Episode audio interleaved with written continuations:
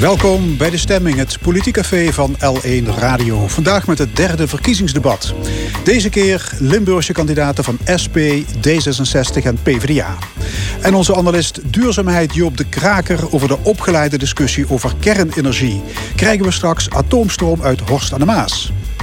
In het tweede uur het woord aan drie belangengroepen. MKB Limburg, FNV Parkstad en actiegroep Extinction Rebellion.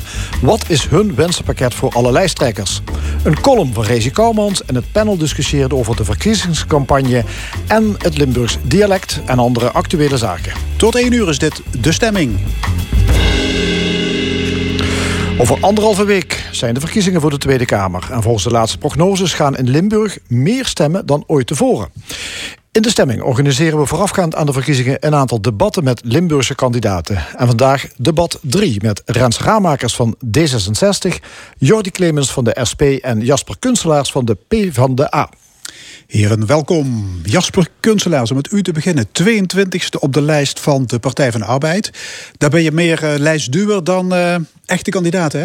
Nou, ik heb uh, van Liliane Ploemen van de vorige keer geleerd... dat je als Limburger moet je vol voor die voorkeursdrempel willen gaan. En ik geloof dat veel medekandidaten uit Limburg dat ook doen. Dus ook bij de Partij van de Arbeid die stem van een Limburger op een Limburger, dat is van groot belang. En ik gun iedere partij dat, dat ze in Limburg op een Limburger stemmen.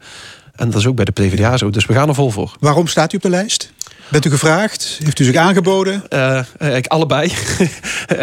Eerst gevraagd en daarna aangeboden. Okay. Dus dat is een mooie combinatie, dat dingen. Ja, u bent normaal fractievoorzitter in Provinciale Staten. Jazeker. U komt uit Venlo. Wat doet u in het dagelijks leven? Ik ben communicatieadviseur in het dagelijks leven. Oké. Okay. Wat, wat vindt u van de media-optredens van Ploemen? Ik uh, kan genieten als ik haar uh, uh, ook afgelopen week bij Nieuwsuur hoor, zeggen van... en dan met name die, die vooroordelen die er dan spelen met betrekking tot een vrouw. U werd onverwacht minister. En dat ze dan gewoon kan. Maar ik heb een cv, ik heb een track record dat er ergens op slaat. En het is natuurlijk heel logisch dat ik gekozen word. En ik vind het heel fijn dat zij voor die positie van die vrouw zo duidelijk en helder opkomt. Dus dan ben ik heel gelukkig. De PvdA heeft nu een schamele negen zetels in de, in de Kamer. In de peilingen staan jullie op lichte winst. Uh, waarom is de PvdA zo uit de gratie van de kiezer? Nou, ik denk dat uh, deelname aan het kabinet Rutte 2 uh, genadeloos is afgestraft. En ook wel tot een, een koerswijziging binnen de Partij van de Arbeid heeft geleid. Dus... Want, want toen hebben jullie de sociaal-democratische idealen verkwanseld. Ik denk dat er een heel aantal fouten in kabinet Rutte 2. Ik denk dat veel partijen trouwens fouten maken als ze met Rutte in een kabinet gaan zitten. En uh, wat dat betreft, uh, voor de Partij van de Arbeid daar de wijze les. En nu dan ook die koerswijziging. En dan zie je dat mensen langzamerhand toch weer vertrouwen krijgen. Want je ziet dat de Partij van de Arbeid stabiel toch weer nou ja, aan het groeien maar aan het werk is. Moeten we geloven dat de PvdA nu niet met zich laat sollen? En ik, weer alles inlevert. Ik denk dat je als je zo'n pak slaag gekregen hebt... dat iedereen begrijpt dat een partij dan gaat herijken. En ik, u zegt het eigenlijk al van... waarom ga je dan een andere koers varen? Nou, omdat je enorm door de kiezer bent afgestraft... en dus weer teruggebracht bent tot datgene... waar de Partij van de Arbeid toe op aarde is. Namelijk eerlijke en gelijkheid uh, creëren in Nederland. En ik geloof dat dat de koers is die wij met dat plan van Nederland neerleggen. De PvdA had ooit 53 zetels. Die tijden komen nooit meer terug? Die komen zeker terug. Zeker. Met, wow, dus met dezelfde. Zeker. Maar dan, dan, moet je wel weer naartoe groeien. En dan moet je aan durven werken. Ja, zeker. We stonden in 2006 op 60 zetels in de peilingen. Dus zelfs kort erbij uh, was het ook nog zo succesvol. En ik ben ooit met Diederik Samson met 13 zetels in de peilingen. en een verkiezingscampagne begonnen en op 38 geëindigd. Dus niks zo flexibel en wisselend als uh, de koers van de kiezer. Rens Raamakers. U wil opnieuw de Tweede Kamer in voor D66. Um, hoe zijn de afgelopen vier jaar bevallen? Nou, die zijn op zich eh, goed bevallen. Ik uh, vond het een hele eer om op te kunnen komen voor uh, mensen in het land. Bijvoorbeeld patiënten met ernstige ziektes. Of jongeren die opgesloten zitten in een instelling. En ik heb ook veel direct contact ja, met mensen gehad. En ehm, heel veel mensen mogen rondleiden in dat fantastische gebouw van de Tweede Kamer. vaak ook uit, uit Limburg. Dus ja, ik vond het uh, heel leuk. Dus ik wil er graag mee door. Ja, zijn er, uh, kunt u echt zeggen van... nou, dat is nou iets wat ik echt concreet bereikt heb. Dus aantoonbaar. Ja, zeker. Mijn uh, wet om niet gevaccineerde kinderen te mogen weigeren... op de kinderopvang, die is aangenomen door de Tweede Kamer. Die moet wel nog binnenkort naar de Eerste Kamer. Ik heb er bijvoorbeeld voor gezorgd dat er een jaarlijks kindervragenuurtje is... in de zaal van de Tweede Kamer, waar ook de minister-president bij kwam... Ik ben heel trots op de extra investeringen in de jeugdzorg. Daar heeft het kabinet Rutte 2 met de PvdA flink op bezuinigd. Nou, dat was voor mij als D66-Kamerlid ook een reden om te zeggen... van ik, ik wil dat, dat weer opnieuw gaan investeren in. Ja, oké, dat zijn mooie zaken waar je op kunt terugkijken. Ik kan me voorstellen dat er misschien kiezers zijn die gedacht hebben uh, die raammakers die komt niet meer terug. Want u bent tijdelijk moeten stoppen vanwege een uh, burn-out. Um, ja, is het wel verstandig om u opnieuw weer in die hectiek van het kamerwerk te gaan storten? Als je zo ja, afgestraft wordt door je eigen lichaam? Ja, ik, ik heb wat dat betreft uh, het een en ander meegemaakt in mijn leven. Maar ik heb ook van die burn-out wel geleerd. Um, ik uh, deelde mijn dagen zo in dat ik tot 11 uur of 12 uur s'avonds werkte. Dat ik heel veel e-mails uh, uh, terug beantwoordde tot, tot diep in de nacht. Nou, en je moet daar wat, wat verstandiger in zijn. Dat je gewoon zegt om 6 uur s'avonds of om half zeven houdt de werkdag op. En dan is morgen weer een nieuwe dag. Um, dus ik wil dat met meer balans in een nieuwe Kamerperiode weer gaan doen. Ja, en, maar hoe reageert de partij daarop? Accepteren ze dat? Iemand die uh, tijdelijk even uit de running is en, en dus zegt: ja, ik kan het niet aan? Ja, daar is heel goed mee omgegaan. Uh, ik heb heel fijn contact gehad ja? met uh, fractieleider Rob Jette. Daar heb ik intensief contact mee gehad. Er was ook alle begrip.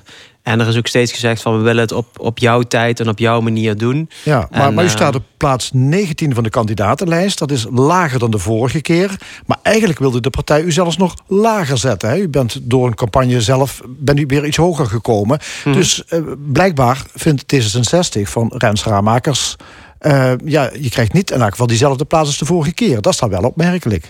Dat was zeker een grote teleurstelling. De partij uh, heeft mij op plek 24 gezet.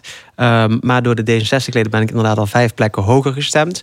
En uiteindelijk is het aan de kiezer. Dus ik blijf niet te lang in die teleurstelling hangen. Maar ik vraag nu ook de Limburgse kiezer... en de kiezer die patiëntenzorg en jeugdzorg belangrijk vindt... Uh, hou mee in die Tweede Kamer en breng een voorkeurstem uit. Goed, de derde aan tafel is Jordi Clemens, 23ste op de lijst van de SP. De eerste Limburger op nummer 23. Hoe kan dat? Nou, we hebben een uh, hele goede lijst. We hebben een lijst die divers is. Daar zitten uh, mensen van allerlei achtergronden in. Uh, mensen die in de praktijk van de jeugdzorg... Nee, dat geloof ik wel, en, maar en noem maar op. Jullie hebben toch wortel geschoten in Limburg? Er moet toch iemand te vinden zijn die, die parlementariër wil worden? Ja, natuurlijk. Maar we zijn natuurlijk als partij ook veel meer dan alleen maar een Tweede Kamer. We zijn veel meer dan alleen maar die kandidaat op die lijst. We zijn ook een partij die heel erg geworteld is in de buurten, in de dorpen van onze provincie. En ja, ik, denk, ik, ik zou zeggen nee, dat onze belangrijkste krachten daar zijn. Hechten jullie misschien niet aan regionale vertegenwoordiging? Nou, ik heb wel zelf gezegd, uh, toen ik naar die lijst keek... ik denk, dit is een goede lijst, toen die in wording was. Alleen dan moet een Limburger bij de eerste 25 komen. En uh, nou ja, toen werd er ook naar mij gekeken van... nou ja, dan moet jij dat misschien maar doen. Nou, u vindt het niet te weinig, de, de eerste Limburger op 23? Nee, kijk, ik, ik, volgens mij is het van belang dat die uh, standpunten van de SP... dat, die, dat uh, sociale Nederland, dat dat voor elkaar wordt gebokst. Daar hebben ook Limburgers baat bij. En wie dat dan gaat doen... nou kijk, dat moeten volgens mij de mensen zijn die dat het beste kunnen... En dan denk ik, hebben wij gewoon een hele stevige lijst. Ja, u heeft een hele mooie baan als wethouder in Heerlen. Stel, u wordt met voorkeurstemmen gekozen. Gaat u naar Den Haag? Nou, er zijn flink wat uh, stemmen voor nodig. Dus um, nou ja, laten we hopen dat het spannend wordt. Want dat zou ook heel goed zijn voor onze partij. Jullie hebben nu 14 zetels in de Kamer. Uh, de peilingen, uh, nou ja, daar staan jullie op verlies. 9 ongeveer. Waarom kunnen jullie de kiezers niet vasthouden? Ja, kijk, zoals gezegd, we zijn een partij die natuurlijk um, een paar um, ook uh, electoraal lastige jaren achter de rug heeft. Ook onrustig geweest. Maar ik denk dat we ook terug naar die basis zijn gegaan. Dus terug naar die buurten, naar die bedrijven, naar die scholen... waar wij begonnen zijn met actievoeren. Waar we begonnen zijn met mensen in het land te organiseren. En van daaruit zijn wij met parlementair werk als middel... om Nederland sociale land te maken aan de slag gegaan. En ik zou ook zeggen, dat is de manier waarop wij nu opnieuw weer uh, gaan opbouwen. Ja, door de coronacrisis is duidelijk geworden hoe kwetsbaar de zorg in Nederland is. Zeker in tijden van een pandemie. Rens Raamakers, u bent woordvoerder medische zorg en jeugdzorg. Is ons systeem aan een grondige herziening toe? Denk wel dat er dingen veranderd moeten worden in de zorg. Um, bijvoorbeeld dat uh, artsen niet meer per verrichting betaald krijgen. maar dat je ook als je gewoon naar een dokter gaat en dat als die alleen maar kijkt en luistert naar jouw probleem, dat die dokter daar ook wat voor krijgt. Wij vinden ook dat alle uh, medisch specialisten in loondienst moeten komen van ziekenhuizen bijvoorbeeld. Wij willen dat huisartsen meer tijd krijgen om naar de patiënt zijn verhaal te luisteren. Waardoor die doorstroming naar het ziekenhuis weer wat wordt tegengegaan. Want dat is heel vaak onnodig. Ja. dus er zijn wel verbeterpunten. Ja, minder marktwerking in de zorg dus. Minder Ja, um, ja, het moet de SP als muziek in de oren klinken. Ja, je hoort nu heel veel partijen zeggen dat uh, die marktwerking in de zorg is doorgeslagen. Nou, ik denk dat dat een goed teken is. Maar we moeten het natuurlijk wel nog gaan zien of die partijen dat ook waar gaan maken. Kijk, de SP is in ieder geval een partij die al heel erg lang zegt dat we de zorg in dit land anders moeten organiseren. Met meer waardering voor de mensen die de zorg uitvoeren. En ook met een betaalbare zorg. Schrap bijvoorbeeld zo snel mogelijk dat eigen risico, wat niks anders is dan een boete op ziek zijn. En zorg dat uh, belangrijke zorg zoals fysiotherapie, maar ook de tandarts in het basispakket komen. Zodat je eh, niet straks aan de gebitten van mensen kunt zien of ze wel of niet hun rekening bij de tandarts kunnen betalen. Ja, Jasper Kunstelaars, PvdA. Ja, ik, ik word uh, ja, erg enthousiast van uh, een uh, D66 die zegt minder liberalisme in de zorg. en ik voel heel veel voor wat Jordi hier zegt. Namelijk, je wil die marktwerking uit die zorg. Je wil juist die meer kansengelijkheid bevorderen. Ook vanuit eh, dat zorgperspectief. En ik zou die wurggreep van de zorgverzekeraars op die, uh, op die zorgsector echt willen veranderen. Ik, we hebben het de afgelopen periode ook gezien. Toen in Bergen een arts een pilot startte waarin hij langer ging spreken met, met zijn patiënten. En dus ervoor zorgde dat er een fix minder aantal mensen doorverwezen konden worden naar het ziekenhuis. Ja, en uiteindelijk werd dat door de zorgverzekeraars dichtgeknepen, dit verhaal. Want het ziekenhuis werd daardoor minder rendabel. Ja, het kan niet zo zijn dat wij mensen gezonder maken, de samenleving beter. En dan een zorgverzekeraar zegt: maar dit past niet in ons financiële plaatje. Laten we daar dat verhaal de nek omdraaien. Ja, we hebben ook eh, tekorten in de zorg. Hè, bij, eh, althans, medewerkers, te weinig mensen die echt uh, te weinig handen aan bed. Wat, wat, is, wat is de oplossing daarvoor? Meer salaris voor zorgmedewerkers om te beginnen. Meer, meer salaris. D66 uh, was volgens mij niet zo te porren voor, voor, voor meer salaris in de, de afgelopen periode. Ja, toen wij onderdeel waren van de co coalitie, toen hebben ze in de coalitie afgesproken van daar zijn we nu tegen. Maar toen zeg maar, het kabinet demotioneer werd, heeft D66 direct ingestemd met de motie samen met ChristenUnie uh, om meer zorgsalaris voor zorgpersoneel ja. te regelen. Persoonlijk heb ik er ook intern in de partij campagne mee gevoerd. Want ik was in de fractie al langer van mening dat uh, we die moties van de verschillende oppositiepartijen, dat we die gewoon echt moesten steunen. Werden jullie dan gedwongen door Rutte om, om tegen dat voorstel te, uh, te stemmen? Nou, het is zo dat je met vier partijen een coalitie zit, waarvan VVD en CDA meer zetels hebben dan D66 en ChristenUnie.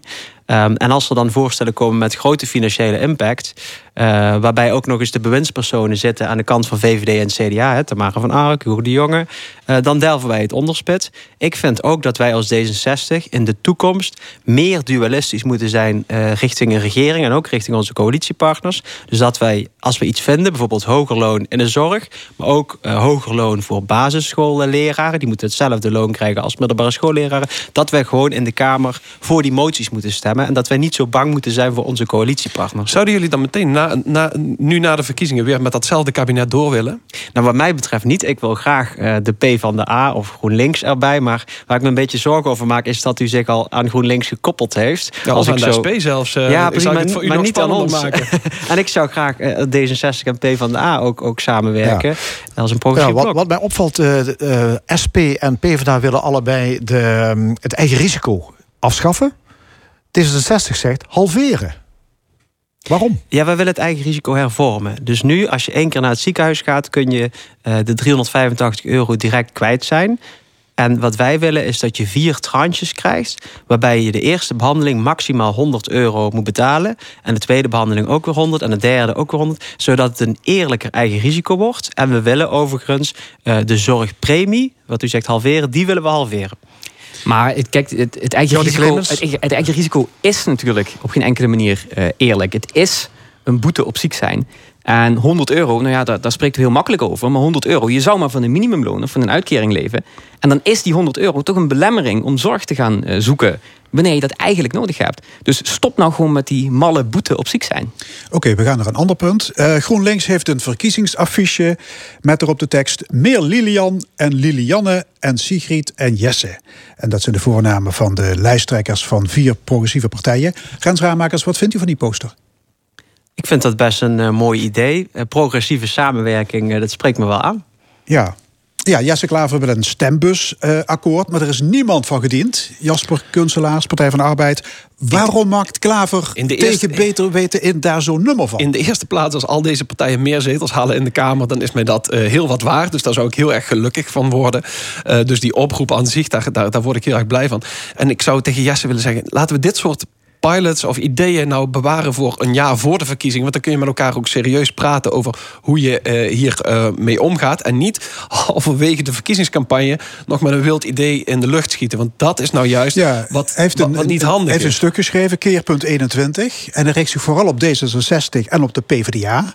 Want die partijen die willen ook de ongelijkheid aanpakken... en hebben een vrijzinnige kijk op de samenleving. Ja, maar dat wil maar waarom, ook. Dus. Maar de vraag is, waarom doen jullie niet mee aan zo'n progressieve alliantie? Maar ik denk dat dat nou juist iets is waar we prima mee uit de voeten kunnen uh, met progressieve samenwerking. Maar dat is maar eerder toch ook al vaak genoeg geprobeerd. Er is nooit iets van terechtgekomen. Ja, ik, ik heb heel vaak inderdaad progressieve partijen bij elkaar zien zitten. En zeker als je dat een paar weken voor de verkiezingen gaat roepen... dan is de kans dat het uh, slaagt uh, een nihil. Dus wat ik zou willen zeggen tegen Jesse...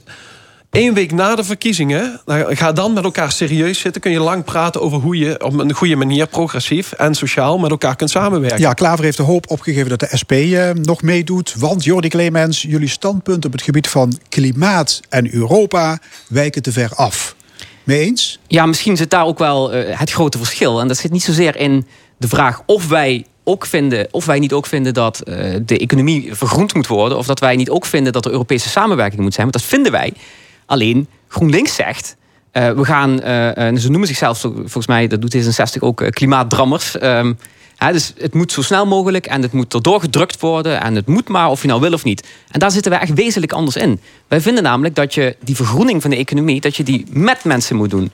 Dus begin niet met windmolens in de achtertuin bij mensen te planten zonder dat je ze iets vraagt. Maar begin met het isoleren van woningen bijvoorbeeld, waardoor mensen uh, zelf baat bij, hebben bij die, uh, bij die vergroening. Oké, okay, en, en daarom houden jullie een beetje afstand bij die links uh, samen. Bovendien zei Liliane Marijnissen in de Volkskrant... dat ze ook prettig zaken kan doen met het CDA en de ChristenUnie.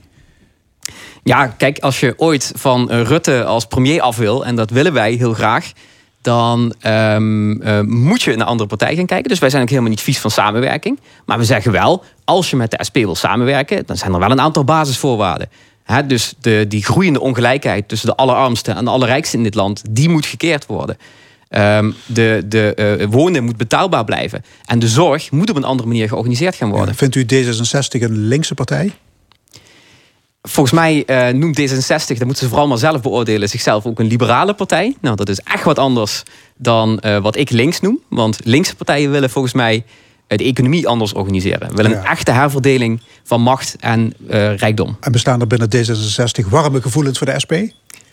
Uh, nou, ik denk dat wij wel dichter bij PvdA en GroenLinks zitten dan bij de SP.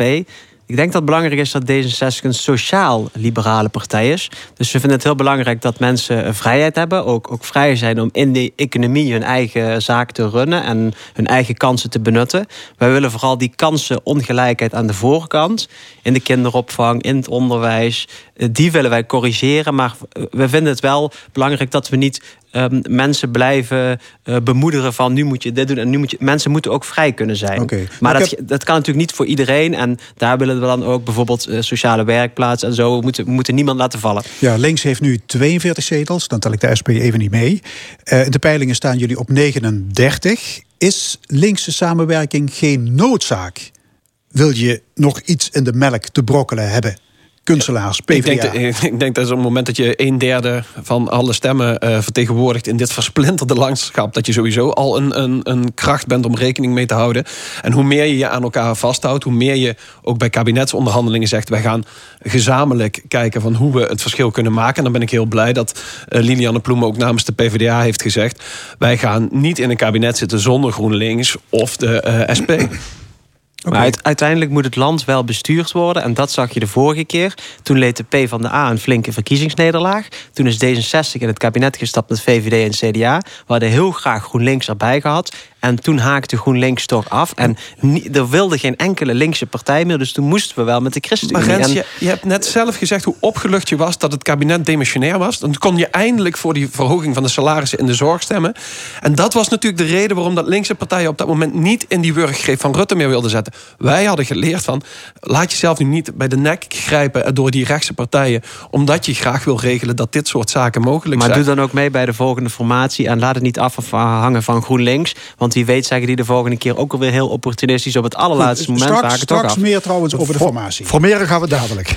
Eh, klimaatverandering, milieuvervuiling, pandemie, globalisering van de economie, vluchtelingenstromen. De grote problemen waar we mee kampen zijn allemaal grensoverschrijdend. Waarom is er zo weinig aandacht voor Europa in het verkiezingsdebat? Jordi Clemens, SP.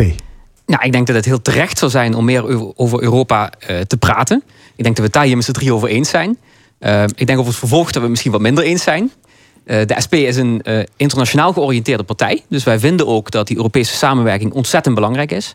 Alleen die samenwerking tussen landen, die moet verschillende richtingen op kunnen. En de richting die de afgelopen jaren is gekozen, is een richting van ehm, eh, alleen maar intensievere samenwerking met het toewerken naar een Europese superstaat, met het toewerken naar een Europese munt, eh, naar een Europese economie.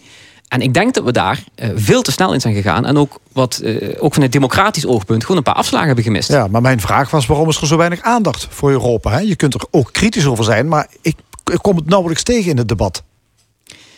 Ja, goed, ik weet niet of je nu aan degene die hier iets over Europa zit te vertellen moet vragen waarom het er niet over gaat.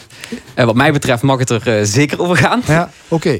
Ja. goed, eh, duidelijk. SP eh, kritisch over het, het huidige Europa. Nou, ik, ik denk dat er een, een goede reden is. Jasper waarom dat- Kunstelaars, PvdA. Ja, ik denk dat er een goede reden is waarom dat het debat minder over Europa gaat op dit moment. En dat is omdat je vorig jaar verkiezingen gehad hebt. Of een, twee jaar geleden verkiezingen gehad hebt over Europa. Waardoor het laatste debat, wat we met z'n allen gevoerd hebben, het grootste debat, namelijk als er verkiezingen aankomen, dat gaat over Europa. En de PvdA heeft natuurlijk een enorm sterk pro. Europa en pro een sociaal Europa verhaal gehouden toen. En dat heeft dan ook geleid tot een grandioze overwinning van Frans Timmermans bij de laatste verkiezingen. Ja, maar die, diezelfde Frans Timmermans, die hoorde ik gisteren bij onze collega's op Radio 1. Die vertelde, ehm, er, komt een enorme, eh, er komt een enorme last eh, op, de, op, op, de, op de burgers in Europa te rusten. De hele Green Deal. Hè. Er, gaat enorm veel gebeuren op het gebied van eh, de omschakeling naar andere energiebronnen. het terugdringen van de CO2-uitstoot en dergelijke. En hij zegt, daar moet het ook in die nationale campagne over gaan. Want de burgers krijgen een hoop, voor het kiezen. Dus dan moet je het burgers uitleggen. Maar het gebeurt niet, zegt hij. Nou ja, wat ik denk, en dan hebben we het met name over hoeveel de klimaatdiscussie in het eh, eh, debat gevoerd wordt. Want dat is misschien nog wat anders dan de positie van de Europese Unie. Ja. Eh, maar ja, hoe ga je om met klimaatmaatregelen? Wat ga je doen om te zorgen dat die grote belangrijke verandering die we in moeten zetten om die klimaatverandering tegen te gaan, dat die niet landt bij degene met de kleinste beurs. Dat we niet zorgen dat daar de rijken zich al afgekoppeld hebben van het gas, die zonnepanelen op het dak hebben liggen, zodat de rekening die hoger wordt rondom energie betaald wordt door degene die in een eh, klein koophuis wonen of in een huurhuis. Dat, dat kan niet de bedoeling zijn. En die discussie moeten we met elkaar voeren. En dat betekent ook dat klimaatmaatregelen die je gaat nemen altijd een sociaal karakter zullen moeten hebben. En wat dat betreft, het pleidooi wat Jordi hier net hield... van zorg nou dat dat niet landt bij degene met de kleinste portemonnee... dat is een uitstekend punt. Ja, maar goed, je komt het weinig tegen. hè. Hoe kijkt D66 daar tegenaan, tegen die, die vergroening?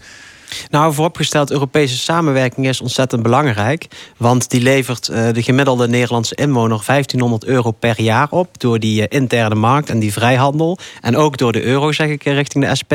Als het gaat over vergroeningsmaatregelen, vinden wij het heel belangrijk dat als het gaat over bijvoorbeeld alle huizen van het aardgas af in de komende 30 jaar, dat dat kostenneutraal kan. Dus al die maatregelen die we nodig hebben om de aarde te redden, daarvan is belangrijk dat mensen met een lager inkomen of een middeninkomen daar niet de prijs van betalen. Dat stellen wij overal als onze randvoorwaarden als, als D66. Ehm, maar ja, ook windmolens, zonne-energie. wij zijn er hartstikke voor. sommige mensen vinden windmolens lelijk. Ik vind ze zelf fantastisch, prachtig. tussen mijn dorp Neer en Echel staan er ook een hele rits. En ik kan er altijd van genieten als ik daar langskom. Dus wat mij betreft gaan we dat gewoon meer doen in Nederland en in heel Europa. U luistert naar de stemming van L1. Over een dikke week zijn de verkiezingen en daarom praten we met Limburgse kandidaten. Ik stel ze nogmaals aan u voor. Rens Raamakers van D66, Jordi Clement van de SP en Jasper Kunselaars van de PvdA. D66 heeft een verkiezingsprogramma van dik 200 bladzijden. Een nieuw begin. Rens Raamakers, kan dat niet wat, uh, wat bondiger? Ja, dat vroeg ik me van tevoren ook wel dat af. Dat leest toch geen mens? Nou, ik heb het dus uh, zo'n beetje helemaal gelezen. Ja, dat nou. dank je de koekoek. en, uh, maar er staan zoveel goede dingen in. En als je eenmaal begint ook bij het hoofdstuk zorg... dan denk je, nou, nu zal ik het na tien pagina's wel gehad hebben. Maar dan komt ook bijvoorbeeld nog het reguleren van een wietteelt. Dan denk je, ja, dat heeft ook met uh, gezondheid ja. te maken. Dus, Wat vindt u het belangrijkste punt uit dat hele programma? Het belangrijkste vind ik kansengelijkheid. We investeren 3 miljard om kinderopvang gratis te maken... En we investeren 7 miljard in het uh, onderwijs. Ik noemde al die basisschoolleraren die net zoveel uh, salaris moeten krijgen. Uh, kleinere klassen. Het herinvoeren van een studiebeurs. Denk ook aan op een middelbare school bredere brugklassen. Waarmee kinderen dus later een keuze kunnen maken. Dat is beter voor de kansengelijkheid. ook voor het MBO willen bijvoorbeeld dat de rechten van MBO-studenten gelijk worden gesteld als die van HBO-studenten. Ik vind die hele paragraaf, en dan voeg ik persoonlijk mijn uh, uh, kopje jeugdzorg toe, want daar ja, sta ik dat persoonlijk heeft u voor. Al, dat heeft u al maar dat, dat, die, dat is eigenlijk kinderopvang, onderwijs, jeugdzorg. Is kansengelijkheid, is D66. Dat vind ik het belangrijkste. Uw partij is ooit opgericht om het politieke bestel op te schudden. Uh, die kroonjuwelen, hè? Die, wat is het? Gekozen minister-president en het referendum. Het wordt wel nog genoemd, maar volgens mij heeft het geen prioriteit meer. Klopt wat, dat? Wat mij betreft wel. Ik vind nog steeds dat uh, de minister-president gekozen moet worden. Ook uh, dat de rol van de Eerste Kamer anders uh, zou moeten worden. De Tweede Kamer willen wij veel meer dat de band tussen kiezer en gekozenen veel sterker wordt. Um, dus het staat ook nog in die 200 pagina's heel prominent. Um, alleen, alleen je hoort er niet meer over. Nou, onderwijs en klimaat zijn ook belangrijk. Ja. Dan de SP, Jordi Clemens. Jullie willen gratis kinderopvang. De AOW terug naar 65. De uitkeringen en het minimumloon omhoog met 40%. Ambtenaren salarissen omhoog. Dat is wat jullie noemen uit de crisis investeren. Nou, niet alleen uit de crisis investeren. Dit is het anders organiseren van uh, uh, hoe we de dingen met elkaar verdelen in dit land. Namelijk, um, en ik ben er heel erg trots op dat wij daarmee een heel radicaal programma hebben neergelegd. Nee, Oké, okay, maar dat gaat miljarden euro's kosten. Exact. Waar, waar gaat de rekening naartoe? Nou ja, als je kijkt naar uh, hoe Nederland zich de afgelopen jaren heeft ontwikkeld, dan zie je dat Nederland als geheel rijker is geworden, maar dat al die welvaart oneerlijker is verdeeld. Dus nog oneerlijker dan tien jaar geleden. En als dus je dan bedenkt gaat de rekening naartoe? Nou ja, 10% van alle welvaart, of 10% van alle, uh, of, of nou ja, sorry, twee derde van alle welvaart zit bij 10% van, uh, van, van de mensen in Nederland. Nou, die 10%, en dan heb je dus echt over mensen die vele miljoenen bezitten. Ik denk ook aan multinationals. Ik denk ook aan de grote bedrijven. Niet de MKB'er op de hoek, de grote bedrijven. Daar zit zo ontzettend veel welvaart. Als je die eerlijker kunt verdelen, dan kunnen we al die zaken die u net noemt realiseren. En dan kunnen we ook definitief iets gaan doen aan het grootste onrecht dat dit land op dit moment kent. En dat is dat nog steeds honderdduizenden kinderen in armoede opgroeien. Terwijl we zo rijk zijn. Ja, u zegt als ons programma wordt uitgevoerd, dan hebben we een fundamenteel andere samenleving. Absoluut. Daar zijn we als partij ook toe opgericht. En dat, daar voel ik me toe verplicht. Kunstelaars, PvdA, ik zag u driftig uh, ja knikken. Ja, zeker bij het onderdeel uh, waar we multinationals eindelijk eens bij de kladden grijpen. Want het kan niet zo zijn dat jij als bakker in uh, Venlo gewoon belasting betaalt, gewoon meebetaalt aan deze fantastische samenleving die we met elkaar willen creëren, maar dat jij als Starbucks, als Shell, als Facebook hier de winst het land uitsluist zonder ook maar één cent fatsoenlijk belasting te betalen, wel gebruik maakt van alle infrastructuur die wij hebben en niks teruggeeft. En daar moeten de miljarden ook echt gehaald Dus gaan er moet worden. een einde worden gemaakt aan Nederland belastingparadijs. Jazeker, en dat betekent gewoon dat de grote multinationals hier moeten gaan betalen. En ook mee moeten gaan betalen aan die eh, eerlijkere verdeling die wij aan dit land kan, eh, eh, willen, toe, ja, die willen toekennen. En het is onbegrijpelijk dat je niet durft te kiezen voor die eerlijke belasting voor Facebook, Google, Apple, et cetera, om daarmee je onderwijs, je zorg, je eh, voorzieningen in dit land op peil te houden. Het is onbegrijpelijk en dat is nou typisch Rutte. Ja, wat zijn eh, eh, nog meer wezenlijke punten uit uw verkiezingsprogramma? Nou, een van de grootste dilemma's op dit moment is dat ik zie dat heel veel gemeenten, en ook Limburgse gemeenten, in een financiële spagaat terecht zijn komen. Het is, ehm, ze hebben zoveel verantwoordelijkheden erbij ge- gekregen. Ehm, nou, spagaat, zeg maar financiële nood. ja, d- d- zeker. Die financiële nood die is er. En daar moet een passend antwoord op komen. En ik ben dan ook heel blij dat de Partij van de Arbeid 4 miljard beschikbaar stelt voor alle gemeenten in het gemeentefonds in, eh, in hun programma. Om daarmee aan de slag te gaan. Eh, zodat Even, mensen... even, die zit... eh, Nou, hier past wel een tegenantwoord op. Want het was juist minister Ronald Plasterk van de PvdA...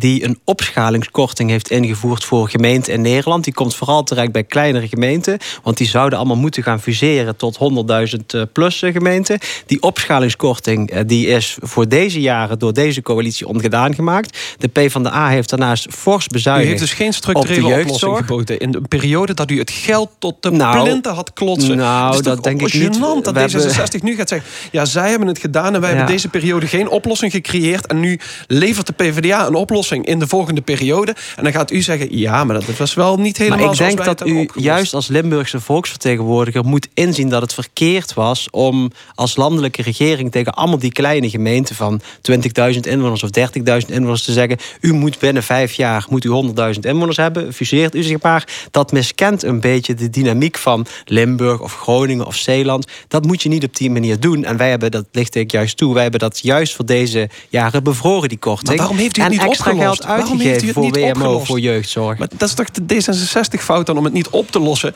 En de PvdA Maar u heeft het veroorzaakt. En wij hebben dat namelijk de oplossing. Dat is het verschil. Wij hebben een structurele oplossing in het verkiezingsprogramma zitten. Zodat wethouders zoals Jordi Clemens in hun wijken het juiste kunnen doen. Namelijk armoede bestrijden, ongelijkheid aanpakken. En juist het voorzieningenniveau optrekken. Want dat is wat die wethouders in die steden zo goed kunnen gebruiken. Namelijk extra geld om het werk te kunnen realiseren. Ja, nu ik er zo bij word gesleurd, wil ik me ook wel graag even met deze discussie bemoeien. In die zin, eh, kijk, Want u bent wethouder in Heerlen. Absoluut. Ja, kijk, dus wat je nu ziet is dat ook in de nieuwe herverdeling van het gemeentefonds, dat de gemeentes in Limburg ook die het het moeilijkst hebben, waar de grootste problemen zijn, eh, Maastricht, de gemeente in Parkstad, dat die eh, eh, er opnieuw fors op achteruit gaan. Dus in plaats van investeren daar waar de problemen zijn, gaan we erop achteruit. Maar de vraag is wel, eh, zeg ik dan wel tegen mijn collega van de PvdA, moeten we, daar, moeten we nu van u hier de oplossing gaan verwachten? Ik, ik hoor PvdA'ers die adopteren wijken in Parkstad. Ik hoor Ploemen nu weer roepen, er moeten miljoenen naar Parkstad. Ja. Terwijl de werkelijkheid is, toen u aan de macht was in Rutte 2... hebt u honderden miljoenen op de jeugdzorg bezuinigd. Hebt u de Maar eh, als je gesloten. Hebt u de sociale werkplaatsen gesloten. Rutte 2. Ja, de Nee, maar- vraag is wel van, is dit nou een geloofwaardig verhaal? Elke keer Maar voor is de het een goed verhaal? die Want dat is de andere, andere vraag dan van mij en u. U zegt, bent u te vertrouwen op uw verhaal? Ik zeg ja, wij hebben geleerd van het verleden. Maar is het een goed verhaal? Want ik hoor u ook zeggen, eigenlijk is uw oplossing de juiste. Maar ik weet niet of ik dat met zoveel vertrouwen tegemoet kan zien. Want met Rutte is geen goed idee. Daarom hebben wij gezegd, in een volgend kabinet graag met de SP of GroenLinks... om te realiseren wat u nu eigenlijk betitelt als een goed plan voor Nederland. Ja, kijk, ik, Ja, ik noem het echt een we even gaan- processie. Maar Ja, we, we gaan even kijken naar die formatie, hoe het eruit kan gaan zien. Eh Rens Raalmakers, uw eh, lijsttrekker Sigrid Kaag, die laat er geen misverstand over bestaan. Eh, ze zei het eh, afgelopen week in de Volkskrant. Oppositie, eh, wij willen regeren. Dus oppositie is geen optie voor D66. Je moet altijd willen meeregeren, omdat je dan de meeste invloed hebt. Ja, en dat betekent eh, compromissen sluiten en eh, instappen bij wellicht toch weer de VVD en het CDA, zoals het er nu uitziet. Eh, is dat wenselijk? Wat mij betreft moeten daar echt PvdA of GroenLinks bij. Ehm, en eh, ik heb me daar ook persoonlijk eh, de afgelopen maanden voor uitgesproken. Kijk, ik ben een, echt een progressieve D66er aan die linkerkant. Dus ik regeer veel liever met PvdA en GroenLinks dan met VVD en CDA. Maar dat is juist zo onverstandig van die twee partijen als die zich aan elkaar koppelen. Ja, maar als je voor de ene kiest, krijg je de andere gratis bij. Ja, en dat is dan weer de vraag of VVD en CDA zeggen dat willen we. Dus wat helpt is als Maar- maar de zo- progressieve partijen meer zetels Ja, krijgen. maar, maar oké, maar stel de situatie is zoals ze is, stapt, moet D66 dan toch weer in dat kabinet met CDA en VVD stappen, wat u betreft? Als er geen andere optie is. En de andere optie is eh, nieuwe verkiezingen eh, voorschrijven in een coronatijd waarin we dat niet kunnen gebruiken. Dan vind ik dat we moeten instappen. Maar dat we als D66-fractie vrijer moeten durven stemmen. En na alles wat mij overkomen is dat ik zo teruggezet ben op, op plek 24 door de D66-top. Zal ik ook in deze regeerperiode die ruimte meer nemen als er weer een dividendbelasting afschaffen idee komt. Oké, omdat Dat ze u ik- lager op de lijst hebben gezet, zegt u, ik permitteer me meer vrijheid. ik ga dat nu, en dat is ook de boodschap die ik richting Limburg heb. Ik ga dat nu echt doen. De vorige keer dacht ik nog van, oh, dan gaan ze me de volgende keer lager zetten. Mijn carrière en zo. Kijk, nu is het alles of niks. Eh, ik moet die voorkeursdrempel halen. En als ik hem dan haal, ja, dan ga ik ook echt, als er eh, slechte ideeën komen van Mark Rutte, dan ga ik me daar tegen verzetten. Maar ik heb er alle vertrouwen in met Sigrid Kaag. Dat wij een eh, goede progressieve leider mogen hebben gevonden. Oké, eh, de SP, ehm Jordi Clemens, heeft nog nooit meegeregeerd in Den Haag. Ja, gezien de peilingen is het ook maar de vraag of het ervan gaat komen. Hè? En ik begrijp ook de achterban, die zit ook niet te wachten op te veel compromissen van uw partij. Dus ja, moeten we, is het toch, moeten we nog rekening houden met een SP eh, in de regering? Nou, ik, ik weet niet welke achterban u spreekt, maar de Zou- achterban die ik In ieder spreek... geval, de jongere afdeling, die, die zijn Mordecus tegen. Nou, kijk, de achterban die Ja. ik spreek, en dat zijn ook heel veel jongeren in mijn partij, die zeggen: wij willen verandering. En Ja. daar moet onze partij voor staan. Dus elke samenwerking waarin wij ervoor kunnen zorgen dat de kansenongelijkheid wordt tegengegaan en waarin wordt geïnvesteerd in zorg, onderwijs, politie, dus in die publieke sector, ja, daar, daar moet volgens mij over te praten zijn. Kijk, en als Rutte morgen zegt. Wij gaan de ongelijkheid in dit land echt aanpakken. Ik kan het me niet voorstellen. Maar stel Ja. dat hij het zou zeggen. We gaan morgen de kinderarmoede bestrijden. En we gaan die multinationals en allerrijkste daartoe belasten. Nou, waarom zou je dat niet met Rutte spreken? Ik zie het niet gebeuren. Maar de beste garantie om die kant op te gaan... is volgens mij een stem op de SP. Ja, de Partij van de Arbeid wil inderdaad alleen met GroenLinks in een volgend kabinet stappen. Of de SP. of de SP.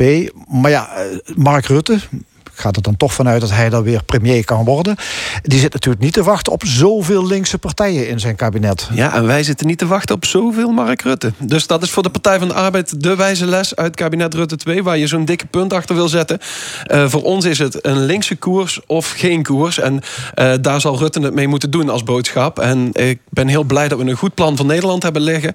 En daarin zijn we vrij uitgesproken op dit moment. Dus eh, daar ben ik heel blij mee. Ja, maar da- daarmee zetten jullie jezelf dus ook buitenspel. Nee, ik zet mezelf niet buitenspel. Want Rutte heeft aan de rechterflank al iedereen uitgesloten. Dus het wordt tijd dat eh, eh, misschien partijen als D66 en het CDA ook eens de andere kant op kijken. Want daarmee zouden we zelfs Rutte buitenspel kunnen zetten. Mag ik jullie alle drie hartelijk danken voor dit verkiezingsdebat. Rens Raamakers van D66, Jasper Kunselaars van de PvdA en Jordi Clemens van de SP. En succes op 17 maart. Volgende week hier in de stemming het vierde en laatste verkiezingsdebat. Dan met de hoogst geplaatste Limburgse kandidaten van VVD, CDA en GroenLinks. En wij gaan luisteren naar Van Morrison, Down the Road.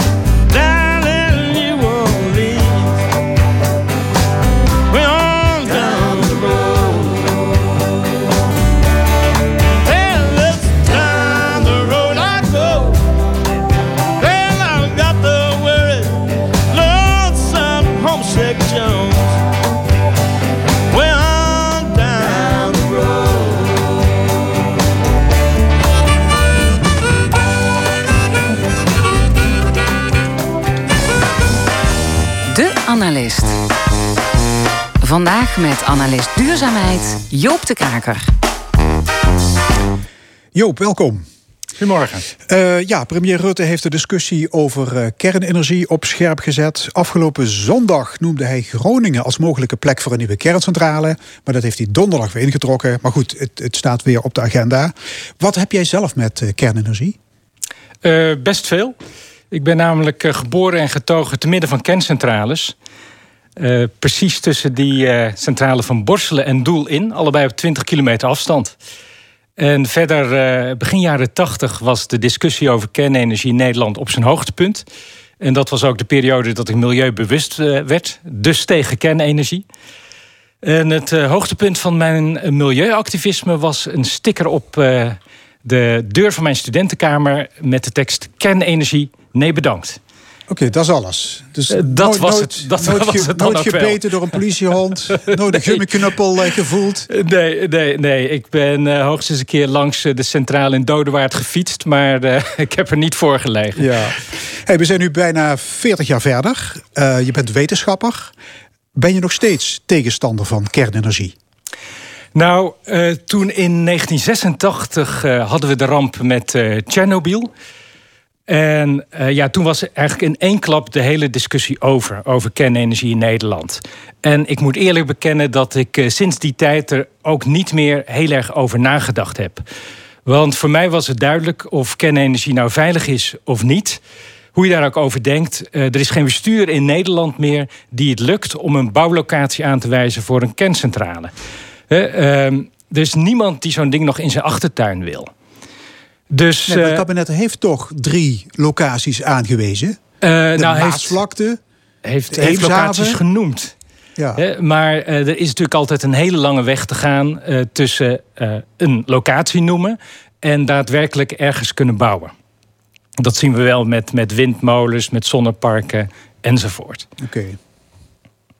Ja, en, en nu dan, eh, maar nu toch weer, eh, is het toch weer terug op de agenda natuurlijk eh, door, die, door, door die opmerking van Rutte. Dus in die zin, het komt wel steeds weer terug, dat kun je wel ja, zien. het komt altijd weer terug. Hè? Dus nou, in, in 86 dachten we van nu is het afgelopen, we hoorden nooit meer iets over kernenergie.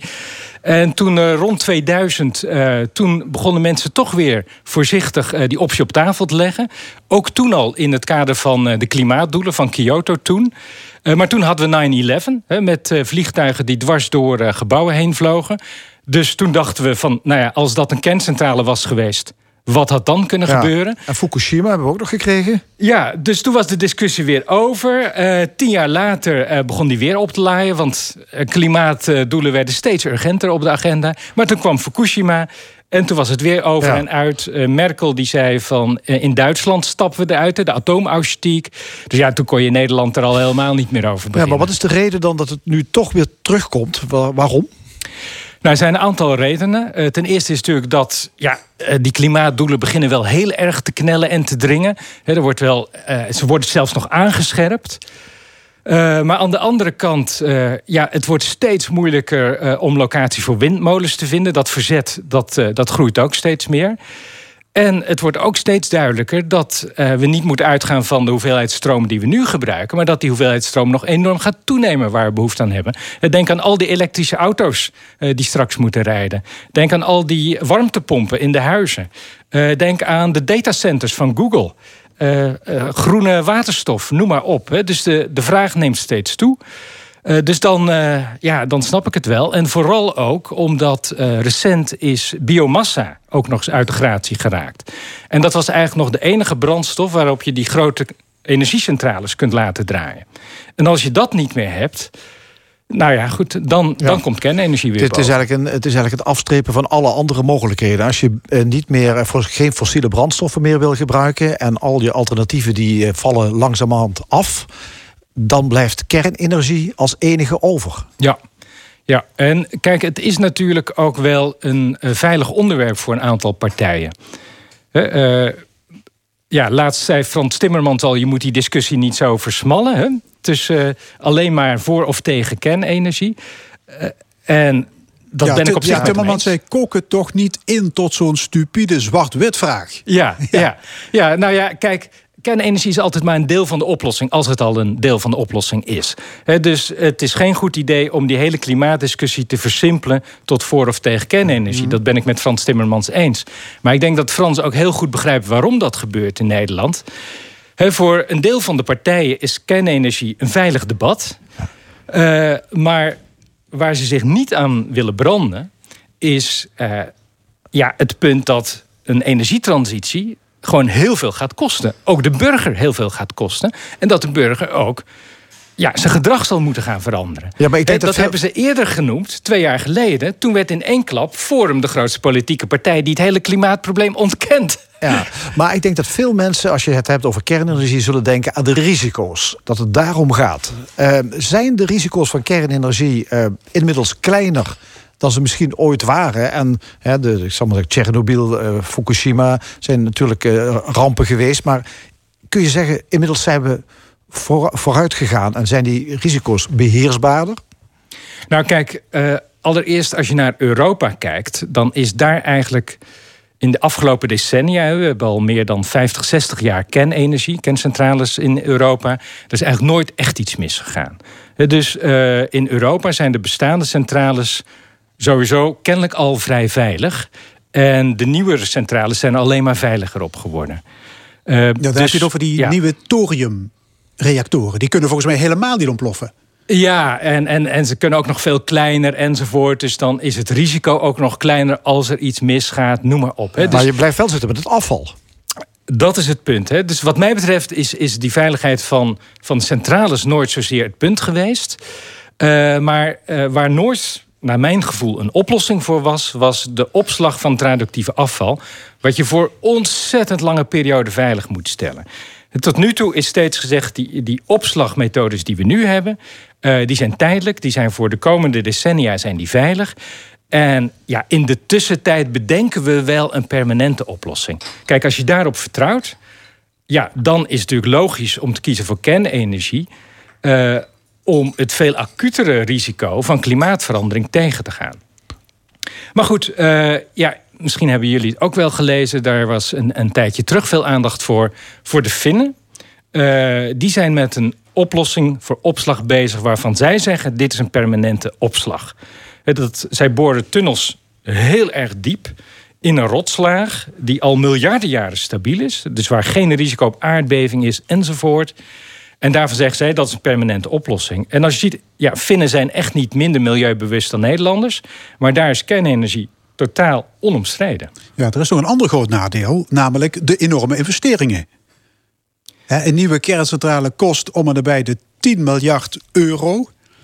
Is, Ja. dat, is dat realistisch? Nou ja, kijk, toch is uitgerekend eh, door het Planbureau voor de Leefomgeving...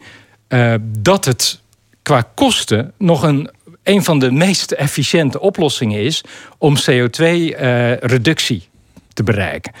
Dus eh, ja, als je kijkt hoeveel eh, miljarden we nu uitgeven voor corona... eh, op het moment eh, dat er geen maatschappelijke weerstand is... Dus dat je gewoon echt een oplossing eh, nou, kunt implementeren... aan de slag kunt, gaan, kunt bouwen... ja, dan is dat voor de politiek gewoon veel aantrekkelijker... dan een oplossing die misschien minder kost... Hoewel ik dat betwijfel hè, voor eh, zon en wind. eh, maar waar gewoon heel veel weerstand tegen is. Ja, de VVD in Noord-Limburg eh, heeft al aangeboden om te onderzoeken of er een kerncentrale kan komen ergens in, in Horst aan de Maas.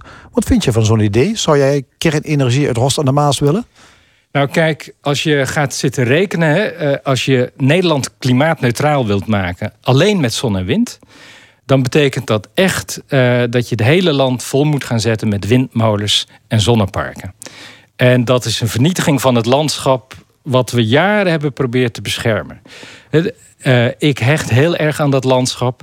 Eh, dus wat mij betreft, als zo'n kerncentrale in Horst zou betekenen dat alle plannen voor windmolens en zonneparken in Limburg in één keer van tafel gaan, laat voor mij die stroom maar komen uit Horst.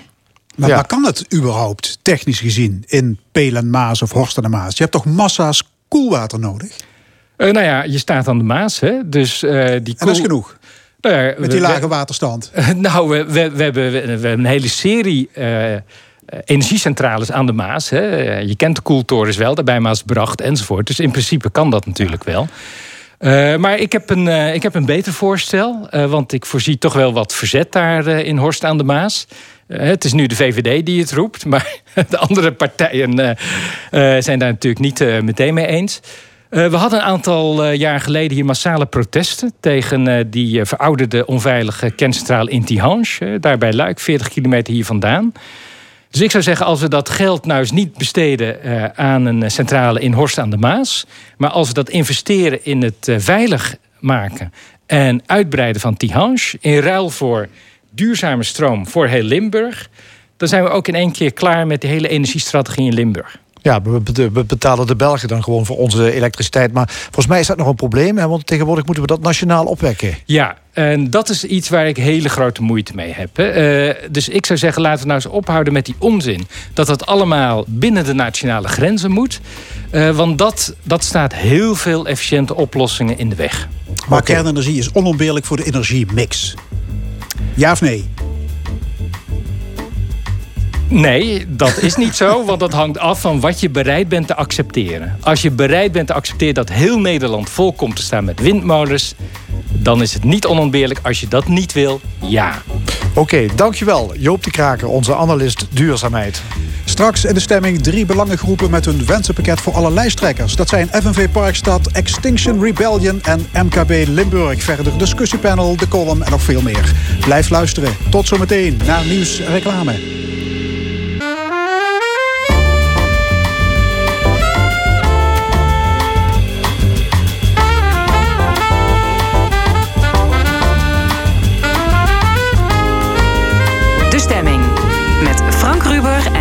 En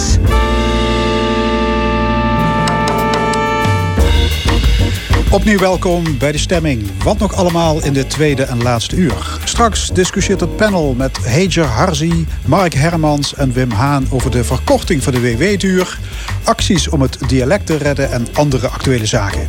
De column van Rezi Komans, maar eerst nogmaals de Tweede Kamerverkiezingen. Volgende week woensdag kunt u naar de stembus. De stemwijzers staan weer online en de verkiezingsborden zijn volgeplakt met affiches.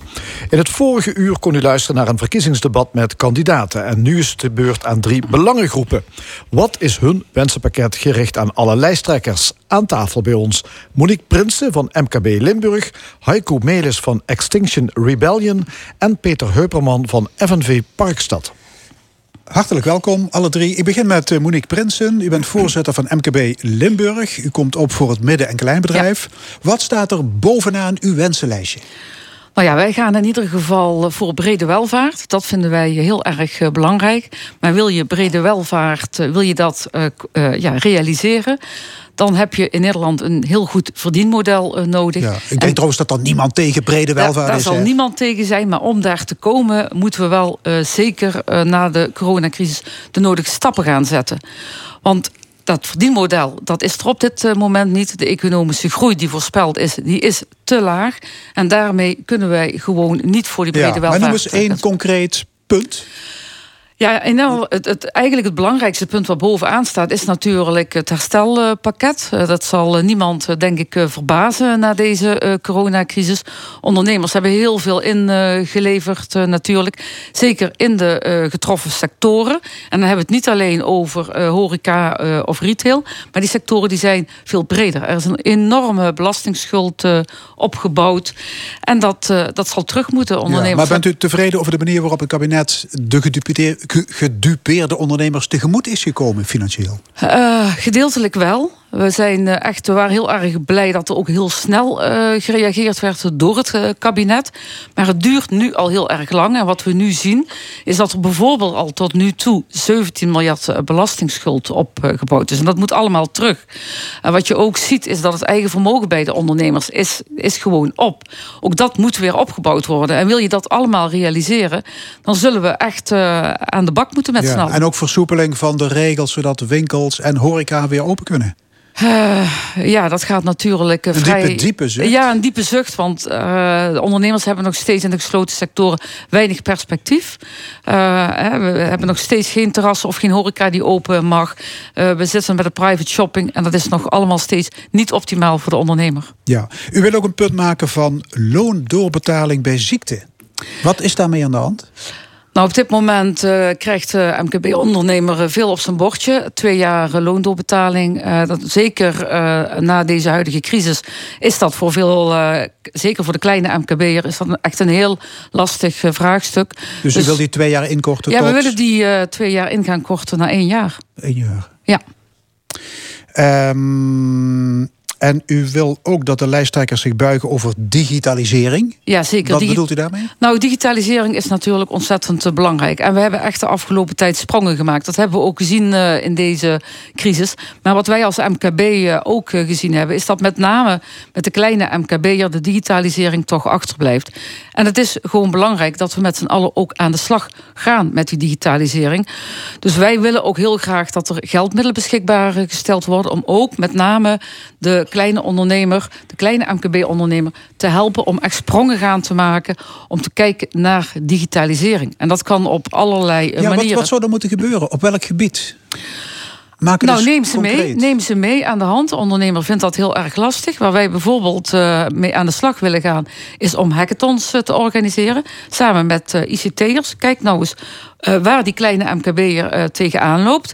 En probeer met innovatieve ideeën te komen...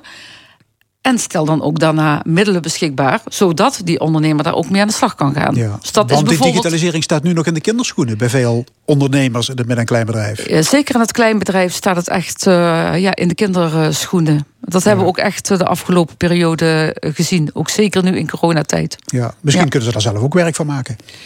We zullen dat samen moeten doen, ja. denk ik. De ondernemer heeft natuurlijk veel voor zijn kiezen gekregen... en moet zich nu ook nog gaan buigen op digitalisering. En uh, als we, we moeten eerst gaan kijken wat voor schade is er opgelopen. Vandaar dat herstelpakket. En als de schade, als hij zich daar geen zorgen over hoeft te maken, dan kan hij ook ja, gaan denken aan innovatie en aan groei van zijn bedrijf. Ander punt, innovatie. Ja. Dat zou ook meer aandacht moeten krijgen van Politiek Den Haag? Ja, zeker. Uh, we zullen investerend en innoverend de crisis uit moeten. Dat is heel erg belangrijk. Daar zullen we ook echt aandacht aan moeten gaan besteden. Daar zullen we ook natuurlijk ook geldmiddelen voor nodig, voor nodig hebben. Om, om die ondernemers ook daarbij te helpen. Maar wat ook heel erg belangrijk is, is dat microbedrijven gaan groeien naar kleine ondernemingen. Kleine ondernemingen naar middelgrote ondernemingen. En middelgrote naar grote. En dus het is een heel pakket uh, wat je daarvoor uh, voor nodig hebt. Ook voor de arbeidsmarkt. En wij denken er bijvoorbeeld ook aan om uh, te zorgen dat die micro-ondernemer die moet gaan groeien naar een kleine ondernemer.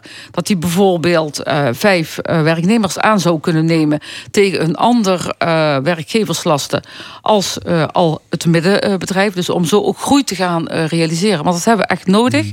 Groei binnen de bedrijven willen we echt innovatie en ja, en innovatief ondernemerschap uh, goed uh, voor elkaar krijgen. Ja. U heeft me van tevoren een lijstje doorgestuurd met erop een aantal steekwoorden. Op dat lijstje staat ook het woord klimaat. Ja. Wat wilt u de lijsttrekkers inpeperen op dit gebied? Ja, klimaat staat natuurlijk ook bij iedereen heel hoog op het lijstje. En we zullen ook met z'n allen aan klimaat moeten gaan werken. Maar op dit moment, als we kijken wat er gevraagd wordt, ook van de MKB-ondernemer, dan wordt dat ook de komende tijd een heel lastig verhaal. En klimaat begint al heel erg dicht bij huis. Hè. Het begint al bij ledverlichting, het begint al bij zonnepanelen. Of denk aan de horeca, die alles, ja, een keuken in, opnieuw in moeten gaan richten met andere kookplaten en noem maar op. Daar is op dit moment ook bij die ondernemers gewoon heel weinig geld voor beschikbaar. omdat ze het natuurlijk het afgelopen jaar super zwaar hebben gehad. Dus dat moet op orde. Of we moeten ook echt met, ja, met, met, met subsidies aan de slag gaan.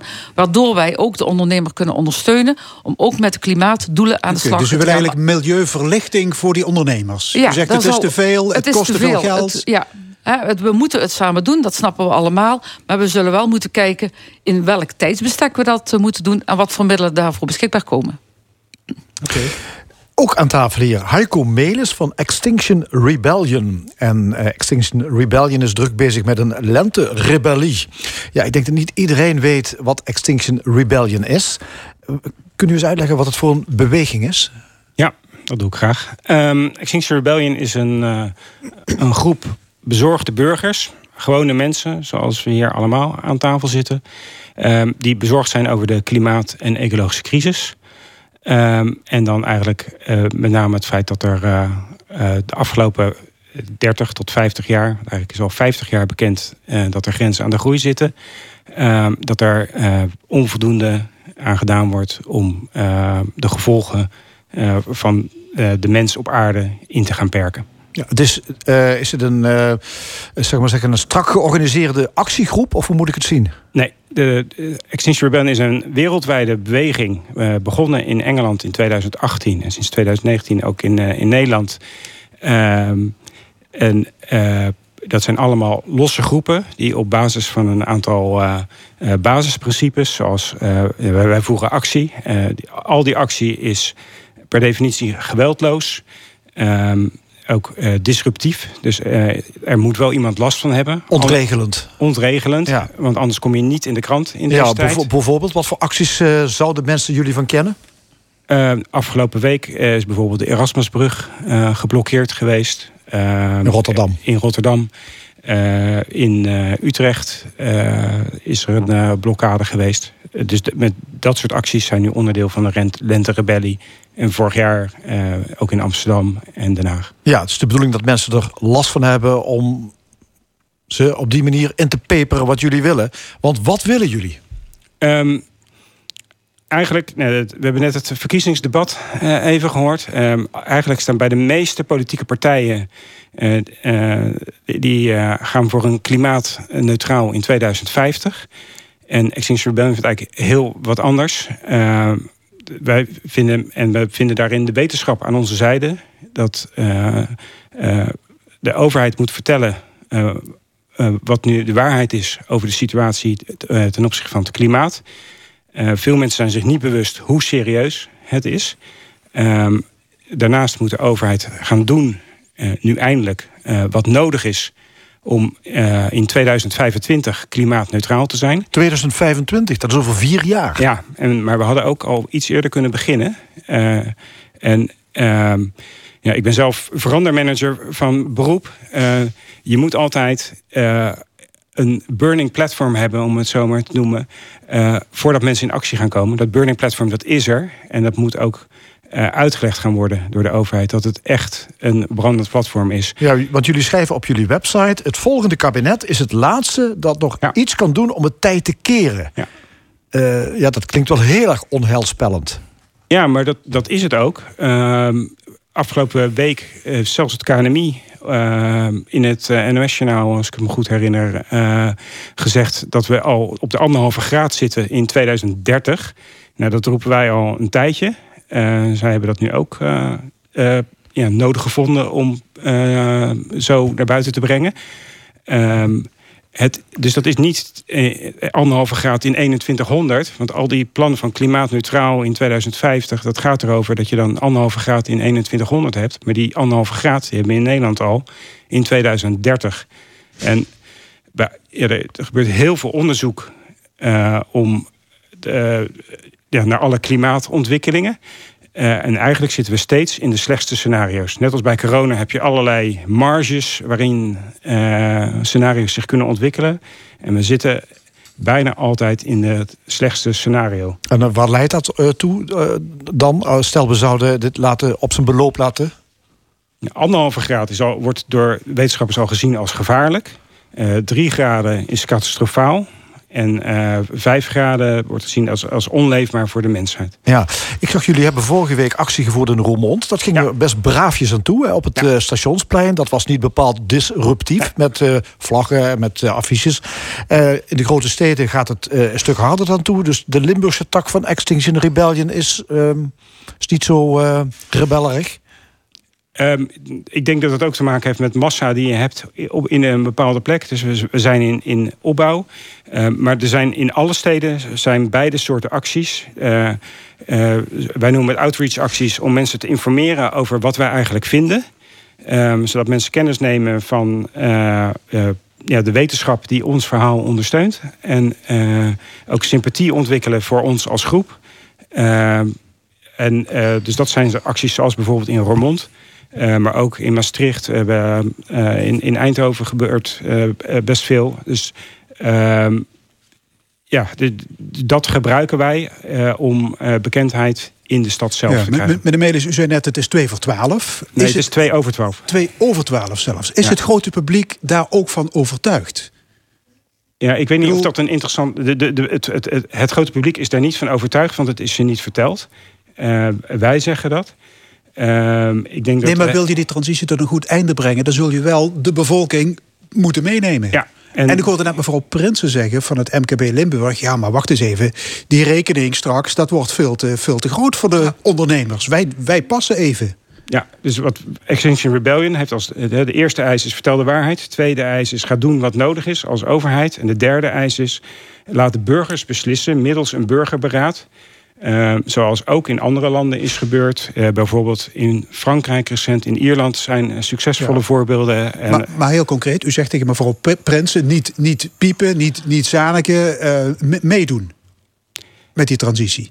Ehm, ik denk dat het onvermijdelijk is dat wij een transi die transitie gaan doormaken. Ja, ik heb ook niet gezegd dat wij niet meedoen. Wij willen ook zeker eh, meedoen. Maar het moet wel allemaal te behappen zijn. Het kan niet zo zijn dat alles op het bordje van de ondernemer eh, terechtkomt. Eh, we zullen daar samen naar moeten kijken. En niet alleen de rekening bij de ondernemer neerleggen. Nee, maar dat vind ik ook. Ik vind dat de vervuiler moet gaan betalen. De grote bedrijven als Shell en nou, die werden hier in het debat voor het uur ook al genoemd. Um, die mogen best wel een groot deel van die rekening gaan oppakken.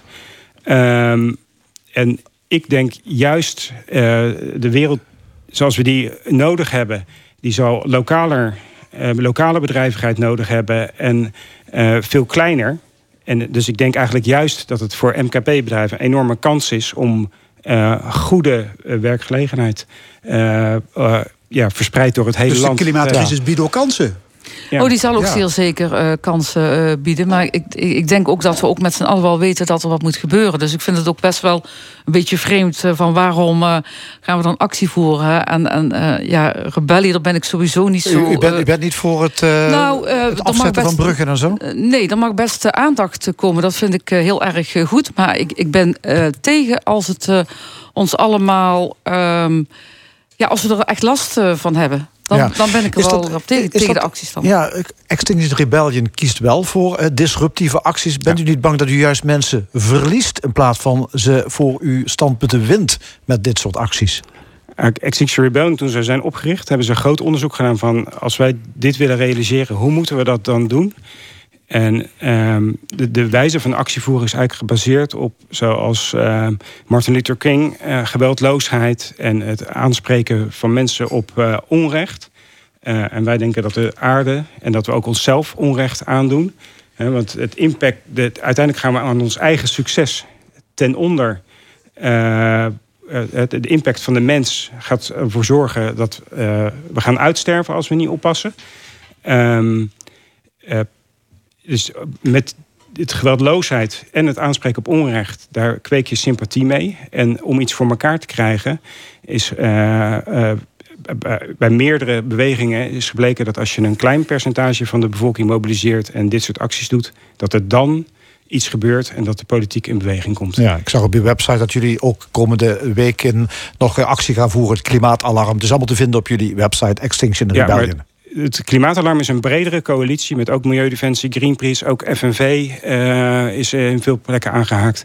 Uh, dus dat is een brede coalitie en dat is ook zeker geen disruptieve actie, maar juist om aandacht te vragen. Ook aan tafel Peter Hupperman, secretaris van de FNV Parkstad. Jullie hebben al een eisenpakket ingediend bij alle lijsttrekkers. Met als argument: we zijn meer dan 50 jaar achterstand beu. Het is tijd voor ingrijpende maatregelen. Hoe bedoelt u dat? Nou, als u de lijst die op dit moment verschijnen op sociaal-economisch gebied bekijkt, dan is het uh, bijna stevast zo dat Zuid-Limburgse gemeentes daar in de top 10 voorkomen. Als je het hebt over besteedbaar inkomen, over sociale problematiek, dan is dit eigenlijk al 50 jaar de praktijk. En, eh, Ja, wij- met name de oude oostelijke mijnstreek, hè, Parkstad. Ja. Maar je kunt toch niet Maar- zeggen dat er geen aandacht is voor Parkstad? Volgens mij zijn er al, al 83 convenanten afgesloten. Ja, dat om, klopt. om die achterstand in te lopen. Dat klopt, er wordt heel veel papier zwart gemaakt. Maar in de praktijk zien we weinig terug van de resultaten. En dus er wordt heel veel gedaan in de sfeer van onderzoek.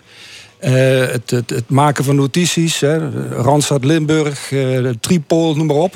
Maar in, in effect werken, merken de eh, Limburgse mensen, de, de Zuid-Limburgse mensen dat toch vrij Nee, maar weinig jullie hebben ook weer papier geproduceerd.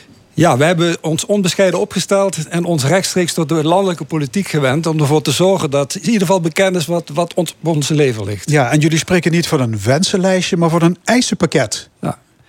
Jullie hebben acht punten opgeschreven en iedere zin begint ook met wij eisen, da- eisen dat. Ja. Ik weet niet of dat heel erg sympathiek overkomt. Nee, dat is ook niet de bedoeling. Want je moet natuurlijk door eigenlijk een beetje te drammen...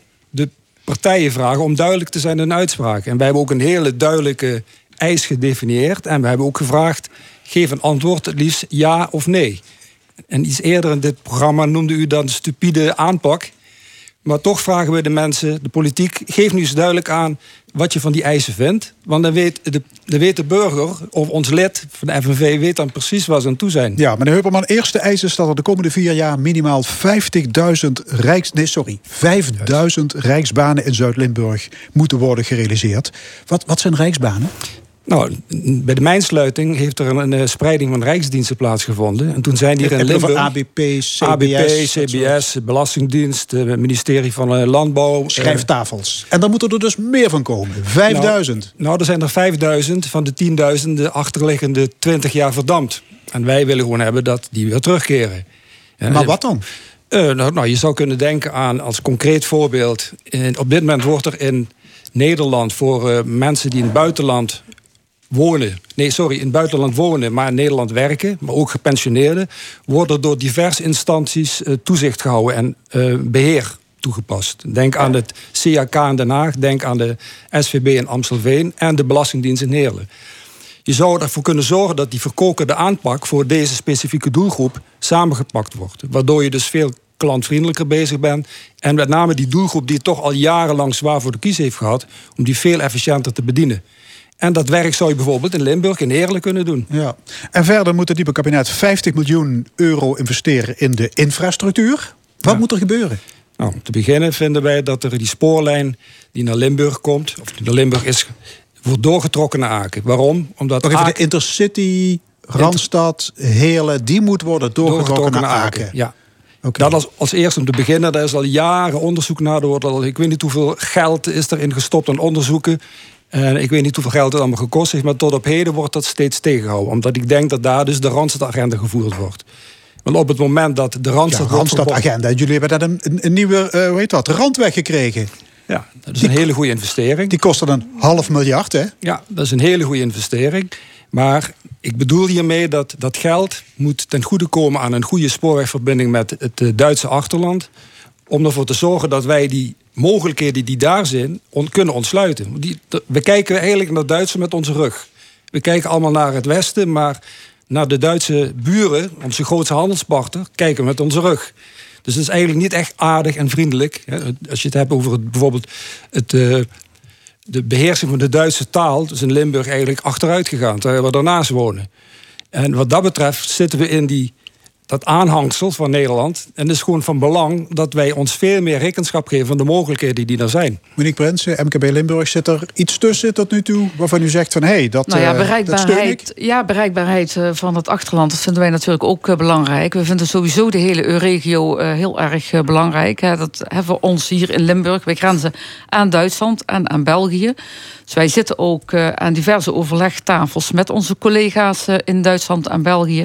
En eh, vinden ook dat de hele infra, dus ook de, de A2 en de A67, dat vinden wij wel heel erg belangrijke items om die verbinding met Duitsland en België ja, beter te optimaliseren. Meneer Hupperman, jullie willen ook aandacht voor AWACS. Hè, minder kabaal, minder luchtvervuiling. Jullie eisen sluiting van kerncentrale in Tihange. Eh, stoppen met het volbouwen van logistieke centra in Zuid-Limburg. Is de FNV omgeturnd tot een milieuactiegroep? Nee, nee, nee, dat absoluut niet. Onze, onze, laat ik zo zeggen, onze core business nog altijd werk en inkomen. Maar wij hebben naast mensen die lid zijn, zijn, ook, zijn mensen ook burgers. En die hebben natuurlijk ook hun opmerkingen ten aanzien van watgene wat er eh, op het gebied van milieu gebeurt. Dus dit zijn zaken die daarmee te maken hebben. En wat wij eigenlijk aan de politiek vragen, spreken daar nu eens duidelijk over uit. Zodat wij weten hoe jullie erover denken. En dat ja, is ja, jullie hebben de lijsttrekkers gevraagd om voor 6 maart te reageren. Ja. Nou, het is vandaag 7 maart. Ja. Hoeveel lijsttrekkers hebben gereageerd? Twee.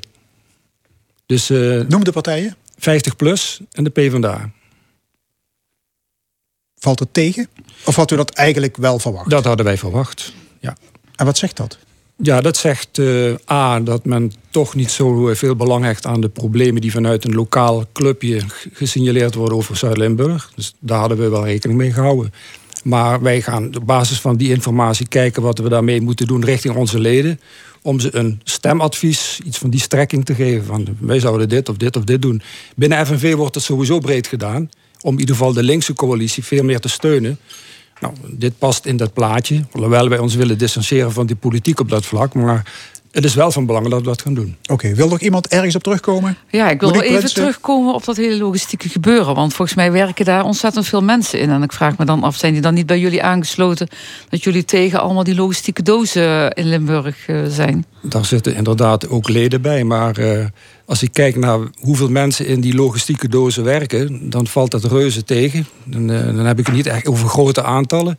En wat ons ook opgevallen is dat er veel buitenlandse mensen... mensen uit het Oostblok, oude term, werkzaam zijn daar. En ja, dat horen wij vanuit de belangenbehartiging. Want wij doen naast... Ja, eh, en, en nog, nog een ding, ze verpesten misschien het landschap. En dat gaat wellicht weer ten koste van het toerisme. Kost ook wel werkgelegenheid. Ja, ehm, ik, ik, denk dat je de boel, eh, dat het, eh tuurlijk, hè, je moet niet alleen maar voor logistieke dozen eh, zorgen. En toerisme, zeker in Zuid-Limburg, is dat hartstikke belangrijk. Maar ik denk dat het ook heel erg belangrijk is dat wij een belangrijke speler zijn voor, je- ja, juist ook voor de eh, logistiek. Omdat wij in die grens eh, zitten met de verbinding naar Duitsland en België. Ik moet het gaan afronden. Hartelijk dank. Peter Heuperman van de FNV Parkstad. Monique Prinsen van MKB Limburg. En Heiko Melis van Extinction Rebellion. Dank jullie zeer. En dit is L1 Radio. U luistert naar De Stemming. Elke zondag discussies over politiek en samenleving. Dadelijk het opiniepanel. Dat bespreekt het nieuws van de afgelopen week. Maar eerst gaan we luisteren naar de column van deze week. De column. Vandaag met Rezi Kouwmans. Luisteraars, maar goed dat dit radio is en geen televisie. Want ik zie er volgens de normen niet uit. Vroeger, ja, en daar ben ik weer, wie de kroegen nog open toen kwam er altijd een klantje die mij toch dan wel op onnavolgbare wijze op, re- op wees. Rees, zei er dan, die hoor, toen moest echt naar de kapper. Mensen die me een beetje kennen, en ik heb het hier ook wel eens gezegd, weten dat ik van het kleine protest ben. Uit principe tank ik nooit bij de Shell en zal ik bij een bepaalde collega in de stad ook nooit een tas koffie drinken. En de afgelopen week was er dan ook een van het klein protest. De horeca ging massaal de terrassen opgooien. Maar aan dat protest heb ik dan principieel weer niet aan metgedaan. En ik hoor ik denken, waarom niet? Nou, omdat ik nemens blij wil maken met een dooi mus. Want dat was het. Er ging er namelijk geen één terras echt op. Ze horen fijn afgezet met rood-wit lynch... en opgelukt met paspoppen, ballonnen en leeg flessen wien. Nou, dan heb ze het. En daarbij, en dat zullen veel collega's mij echt niet een dank afnemen... kunnen ze een kroeg gewoon niet draaien met de huidige maatregelen. Restaurants, Allah, daar kan iedereen fijn aan een turfje zitten. Maar in een kroeg, als de drank is in de man... No way, José. Geen ene, zelfs ik niet, heeft zich afgelopen zomer aan de regels gehaaien. Dat is gewoon onmogelijk. Dus ik ga mijn hart vast als we dadelijk weer open mogen. En eergisteren hoorde ik de demissionair minister is er trouwens nog iets legers dan demissionair. Kijk, van mij ga je ze gewoon allemaal direct moeten opstappen. Ja, dat is misschien net van de volgende column. Maar enfin, eh, Hugo de Jonge zei dus... we krijgen een normale zomer. Maar wat is dan normaal? Is dat dan het aaien normaal? Of is dat het nu hier normaal? En in juli is iedereen gevaccineerd, zegt Grapperhaus. Is dat dan weer normaal? Kijk, in België mogen ze, als ze die spuit hebben gehad, 100% meer bezoek ontvangen. Heb ik gisteren gehoord op de radio. Dus in plaats van één man, mogen er dan twee op bezoek. Nou, dat schudt op. Dus nee, het werd niet normaal. We zijn nog steeds besmettelijk, moeten dus nog steeds het mondkapje op en anderhalve meter afstand haaien. En we zitten nog steeds met de regels, we nemen zich aan kind haaien. Onder de druk van het volk, met de verkiezingen in aantocht, komen ze nu met die halfslachtige versoepelingen. De tattoo shop mag op, de zonnebank niet, sporten doet 27 mag wel, seks weer niet. Gewoon je dat winkeliers even, als ze nemen kijkt, gewoon zeggen: kom maar gauw binnen om te passen. En dat bieden koffie, togo, bij ons gewoon honderd man bijeen stond op het plein met een gezellig muziek en een bekertje. Ja, wat zal ik zeggen, heel speciale koffie. Dat is niet normaal. En daarom krijgt ze frustratie onder de lu. Dat is wel wel normaal. Dus of alles toe met maximale compensatie, of alles op met alle risico's van dien. Vandaar dus nu mijn nieuwe klein protest. Ik ga niet meer naar de kapper, totdat de kroegen normaal open kunnen. Zo, nu heb ik lekker pu. De column van Rezi. U luistert naar de stemming van L1 en we zijn toe aan het discussiepanel. Vandaag over hoe dynamisch deze verkiezingscampagne is... de inzamelingsactie voor de ex van Dion Gauws... en de inkorting van de WW. Ik heet van harte welkom ombudsvrouw Heijer Harzi... headhunter Wim Haan en ondernemer Mark Hermans. Ja, welkom alle drie. Eh, nog een ruim een week te gaan. En dan kunnen we naar de stembus om de nieuwe leden van de Tweede Kamer te kiezen. Maar eh, de campagne ja, die lijkt toch niet echt op stoom. Hebben wij althans het idee. Wim Haan, uh, voel je het ook zo? Een nette campagne. Ja, nette campagne. Ja, Is een nette campagne eigenlijk wel een campagne? Dat vraag je je natuurlijk af. Uh, maar volgens mij wordt de norm gezet door Mark Rutte. Beschaafd, uh, respectvol. En je ziet dat daar een andere, aantal andere lijsttrekkers... die toch anders feller waren, zich daar een beetje aan spiegelen. Dus het, de norm is, hoe kan ik concurreren met de stijl van Mark Rutte? Ja, en de is, andere... Is dat niet zo dat ze echt weinig te vertellen hebben... en dat de mensen ontzettend met wat anders bezig zijn? Ik ben bijna iedere zaterdag bij ons in Geleen op de Markt... en ik heb echt weinig mensen gezien die aan het flyeren zijn. Dan stel ik me ook de vraag van waar zijn ze eigenlijk? Volgens mij hebben ze gewoon... ze hebben naar de burger niks meer te zeggen. Het gaat alles op afstand en dan kan je niet weer wederwoord, zeg maar. Je kan niet meer discussiëren, je kan niks. En blijven ze weg. Uh, sommige dingen gooien ze op social media. Daar kan je wel op ingaan. Ja, het is niet hetzelfde als ik een, een kandidaat tegenkom. En ik mis Martijn heel erg. Ik kan me herinneren, vier jaar geleden in Sittard. Dan moet je niet denken dat je naar Sittard komt en je hem niet ziet. Zelfs het huis van uh, Martijn. Het huis van Martijn van Helvert heb je nu ja, over. Ja, ja. ja. nu, nu. Ik heb hem volgens mij paar duizend keer gezien toen ik hier naartoe reed. Vandaar, ja, de, ja. de folder, maar niet ja, hemzelf. Nee, de Waar affiches. Ja, de affiches ja, maar... kan ik niet tegen praten. ik zag het ook overal. Maar ja. ik, ik denk, stel je voor, je was nou zelf Tweede Kamerlid. Hoe ga je nou die mensen werven? Hoe ga je nou... Kijk, als je dat van de laatste twee weken moet hebben... dan wordt het heel moeilijk natuurlijk. Nee, waar, waar was je vier jaar lang? Ja, bedoel, en daarom zeg ik, ze hebben niks, weinig te zeggen. Ja, maar, maar ligt, dat is ook ligt, moeilijk. Ligt het dan niet aan de coronabeperkingen? Ja, ik denk wel dat het heel moeilijk is om je kiezers te bereiken... en de boodschap over te brengen. Hè? Want, ik bedoel, als ik dan zie hoe ze vechten... Hè, politici vechten om een stukje media-aandacht... een stukje een interviewtje hier, een interviewtje daar... bij de regionale omroep waar je normaal, normaal hè, niet jullie... maar de plaatselijke omroepen waar je normaal nooit naar kijkt... dan wordt er gevochten om uh, tien minuten een uh, interviewtje te houden. Ja. Honger om... Ja, ja okay. maar Wim Haan zegt iets anders. Hij zegt... Uh, Mark Rutte die zet de toon ja. met een beetje staatsmanachtige air, ja. brengt hij zijn boodschap. En alle anderen spiegelen zich daaraan, durven daar niet tegen in te gaan, omdat ze dan misschien bang zijn dat ze als oproerkraaier worden weggezet? Of wat bedoel je? Ja, je? Je moet nu niet een scheve schaats gaan rijden op iets. Je moet dus voorzichtig, vind ik, eh, acteren op eh, in deze crisis. Want het zijn niet alleen de beperkingen, maar dat is ook de crisis waar we in zitten. Dan moet je niet met iets komen van mensen zeggen... ja, maar even voor de duidelijkheid, van welke wereld ben jij? Marketingtechnisch is een hele slimme campagne wat Rutte doet. Want, als je er tegenin gaat... eh, dat straalt op verkeerd op je dat af. staat verkeerd op je Ja, af. dat, dat, dat is een beetje de, de, de, de gegevenheid. Hè? Eh, dus je koopt zendtijd. Hoekstra koopt zendtijd. Ja, ja. Hij roept iets waardoor in elk geval hij uitgenodigd moet worden om zijn verhaal te vertellen. En anderen heel boos op hem reageren, want dat was het dan. Maar hij koopt eigenlijk zendtijd, want die krijgt hij gewoon niet. Want stel je zou nu wel eh, zou tegen Rutte, volop tegen Rutte ingaan. Wat zou dan, wa- waarom zouden kiezers dat niet accepteren? Je gaat niet tegen Rutte in, maar je gaat tegen iemand in die gezien wordt als iemand die in de, ons in de afgelopen periode eh, prettig, vasthoudend en eh, cruciaal door een hele lastige periode heeft heen geloodst.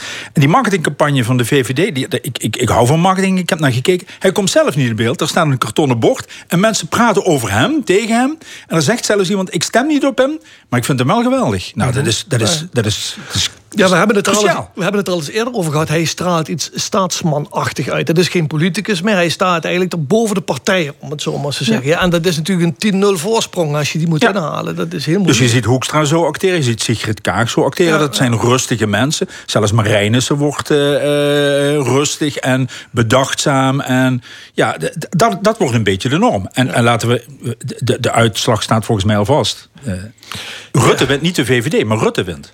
Ja, ja nou, de, de uitslag eh, s- ja, die staat al vast, zeg jij. In elk geval. Dus, dus gepeild naar de opkomst. En het vond ik wel opvallend. In Limburg geeft 91% van de mensen die door het onderzoeksbureau Flycatcher zijn bevraagd, zegt: Ik ga stemmen. 91%. Terwijl ik hoor Heetje ook zeggen: Ja, het gaat nergens over, mensen hebben geen boodschap.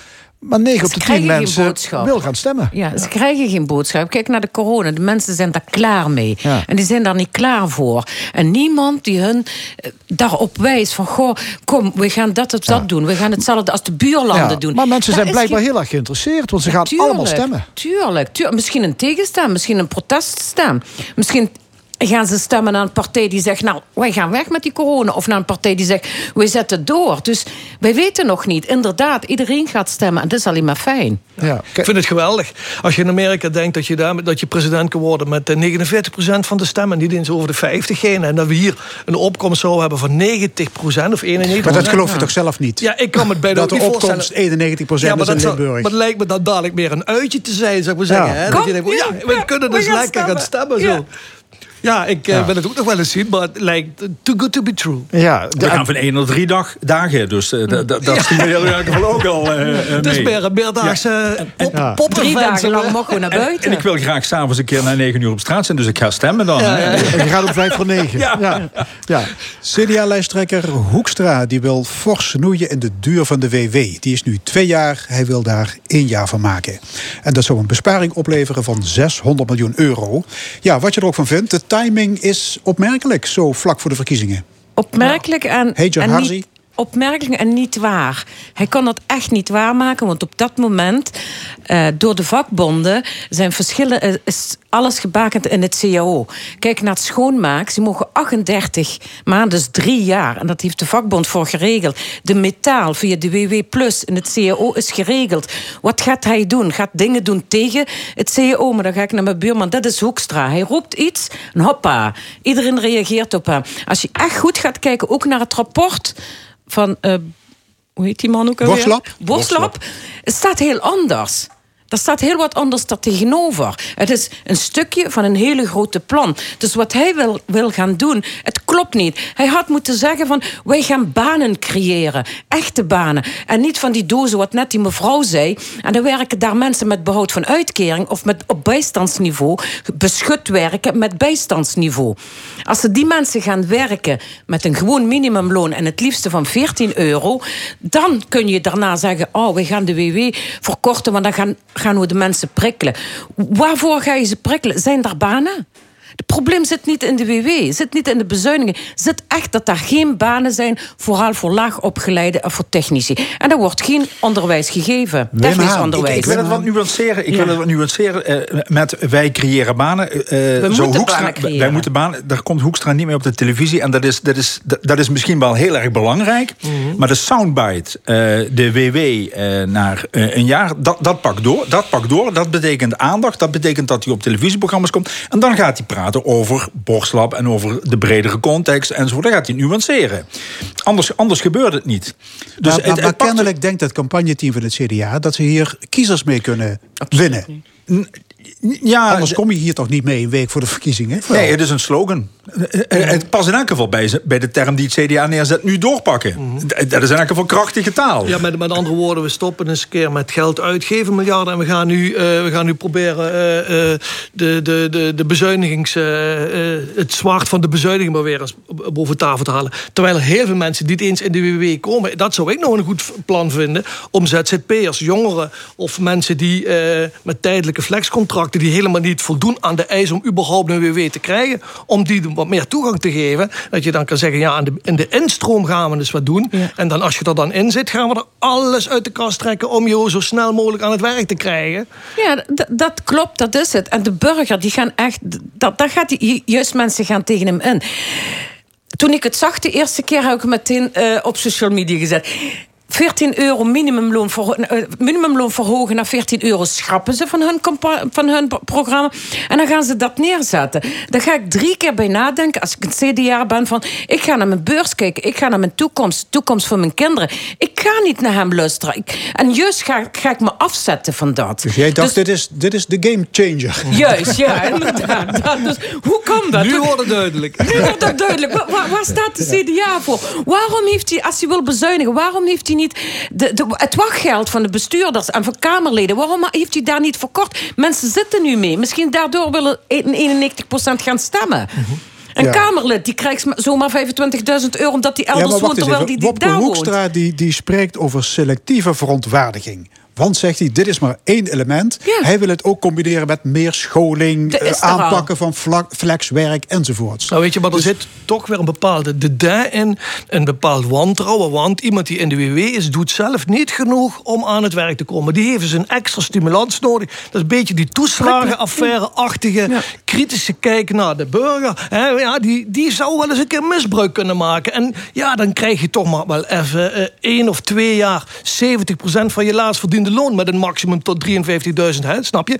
Dus het is echt geen vetpot wat we hiermee binnenhalen. En Maar er is een bepaalde kijk hoe je naar de maatschappij kijkt. En dan vind ik een soort wantrouwen uit. uit Is een, is een, absolu- echt, is een absolute Ja. wantrouwen. Ja, het, het, het, het neigt voor een gedeelte om iets bij de VVD te claimen. Want Ja. dat, dat roept hij op die manier natuurlijk. En van de andere kant wil hij opkomen voor het onderbuikgevoel... wat bij heel veel mensen eh, leeft. Namelijk, eh, hardwerkende mensen moet je stimuleren. Ja. En mensen die gebruik maken van een uitkering... of het nou terecht of niet terecht is... ja, dat zijn de losers. Ja, maar je moet eerst ontslagen worden. Hè? Want die, dat is ook een van de voorwaarden. Want als je zelf ontslag bent, krijg je ook geen WW. Dus je bent al slachtoffer, om het zo maar eens te zeggen. Hè? Maar dus, dus ja... eh, ik, Ja, heb, ik heb zo'n idee dat het een beetje eh, uit de lucht komt vallen. En dat er, eh, het CDA eigenlijk een onderdeeltje van hun... of een paragraafje uit hun eh, verkiezingsprogramma... hier als soundbite inderdaad projecteert... om dan daarna zeg maar, het, eh, het- de gemoederen te kalmeren... met heel veel, eh, ja, ja, noem je dat, hè? eh, nuances. Ja. Maar, maar in principe, de basisidee vind ik toch eh, ja, wantrouwend. Om het zo maar En na die twaalf maanden zit je gewoon in de bijstand. en de bijstand, ja, moet je eens voorstellen wat dat betekent. En als je eenmaal de bijstand bent, kom je niet meer eruit. Ja, of, je, je- of je gaat zogenaamd beschut werken met een bijstandsuitkering. Dus meneer Hoekstra, leg mij eens uit, hoe, hoe kan dat? Wat je- ga je daaraan doen? Nou, je moet maar ook een andere baan in een andere sector vinden, bijvoorbeeld. hè. Je bent horecaondernemer of zo, dan heb je al sowieso... ja. Jij krijgt geen WW, je personeel wel. Hè? Ja, en dan moet je nog in een jaar proberen dan een andere baan te vinden. Nou, Omscholen, weet ik Het, het, is, het is volgens mij echt bedoeld om eh, aan tafel te zitten... om het vervolgens te nuanceren. En wat hij dan voor- doet, en dat doet, dat doet hij gewoon ontzettend sluw... dat is niet slim, Ja. is dat hij andere partijen meeneemt... in de zin van, ja, maar de linkse partijen willen eh, de uitkeringen verhogen. En dat, de- dus hij, hij, hij, hij claimt dat onderwerp om een aantal andere punten mee te nemen. En dan moet je, dan moet je gewoon een hele... eh, harde one-liner hebben. En dat doet hij. En, want het is niet terug te vinden in, zijn, eh, in het verkiezingsprogramma. Het staat nergens. Het is een onderdeeltje uit Borstel. Dat, dat- hij pakt er een elementje uit. Eh, Hij zit aan tafel. Hij lacht er ook een beetje bij. Van ik zit hier nu wel lekker aan tafel. Ik kan mijn punt maken. En de anderen reageren verontwaardigd. En dan kan ik tegelijkertijd zeggen. Maar jullie willen uitkeringen verhogen. Ja, dan, dan maakt hij zijn eigen punt niet. Maar hij maakt het punt voor de anderen wel. Het is, het is echt campagne-strategie. Maar dat snapt de burger niet. De gewone burger, de werker. De, de, de gewone burger betaalt nu de, de ellende van de crisis. De ellende van, van het, het systeem, van het, het nieuw werk. Of, of hoe dat ook maar heet. Eh, Dus als ik dat lees als gewone burger die op een dagdienst werkt in een, in een loods ergens in Zuid-Limburg en die krijgt maar onder de minimumloon. En dan hoor ik een politicus die eigenlijk minister is. Dan ga ik het serieus nemen. Dan ga ik niet denken, oh, dit is een eh, verkiezingsstunt en dat gaat niet gebeuren. dat kan toch niet? Hoe kunnen we de gewone burger dat uitleggen? Maar nemen wij Daar maak ik me druk om. Nemen wij de politici nog serieus en nemen zij ons wel serieus? Dat vind ik wel, Ja, echt dat- een thema. dat is weer een ik, heel ander ik, ik stem dadelijk, ik ga stemmen. Ik ben, eh, dat doe ik met vol overgave. En dan zie ik vervolgens hoe met mijn stem eh, weggelopen wordt. Want dat, dat betekent dat ik een stem heb uitgebracht waar het eh, oude regime op afgerekend wordt. Want eh, zo wordt het bekeken. Waar het nieuwe regime niet neergezet wordt. En waar nuanceringen plaatsvinden. Mijn stem is dadelijk weg. Want ik, waar, waar stem ik op? Ik stem op één aspect. En vervolgens zie ik wat er allemaal mee gebeurt. Dus we, we- serieus nemen vind ik heel lastig in, in politiek. Ja. Ja. Ehm, onze streektaal, om die te behouden moeten kinderen, Limburgse kinderen, dialect blijven spreken. En dat is niet zo vanzelfsprekend als het misschien lijkt, want in de kinderopvang is het Nederlands de voertaal geworden. Eh, er zijn nu een aantal plannen geselecteerd die uitgewerkt gaan worden. Bijvoorbeeld een Limburgs kwart- kwartet, eh, spelletjes, dialectliedjes, noem maar op.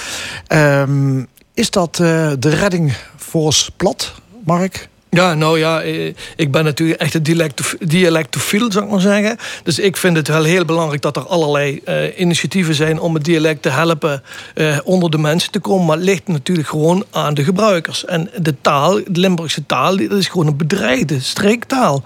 En ik, ik hou me hard vast of er over 25 jaar, nou, misschien of 50 jaar nog wel Limburgs wordt gesproken. Maar als je gaat kijken hoe het in Brabant is gegaan met het Brabants dialect, daar is niks meer van over. Als je gaat kijken in Keulen bijvoorbeeld, waar we altijd van denken dat daar heel veel dialect wordt gesproken, het Keuls.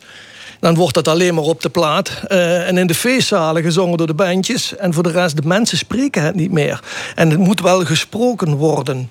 En dan is het wel belangrijk dat ouders met kinderen blijven spreken. En niet de, zozeer de juffrouw. Want de juffrouw, ja, die eh, zal niet in de lessen eh, dialect spreken, zal maar zeggen. Nee, nee, maar ik begrijp dat het in de kinderopvang anders is. Daar moet je dat dialect een belangrijke plek geven. Want dan, dat is de leeftijd dat kinderen eh, voor Ontvankelijk zichzelf toch, ontvankelijk zijn en voor zichzelf gaan besluiten: wat wordt mijn basistaal in mijn latere leven? Dus, dus ja, vandaar dat er ingestoken wordt op die peuterspeelzalen, hè, op de kinderopvang.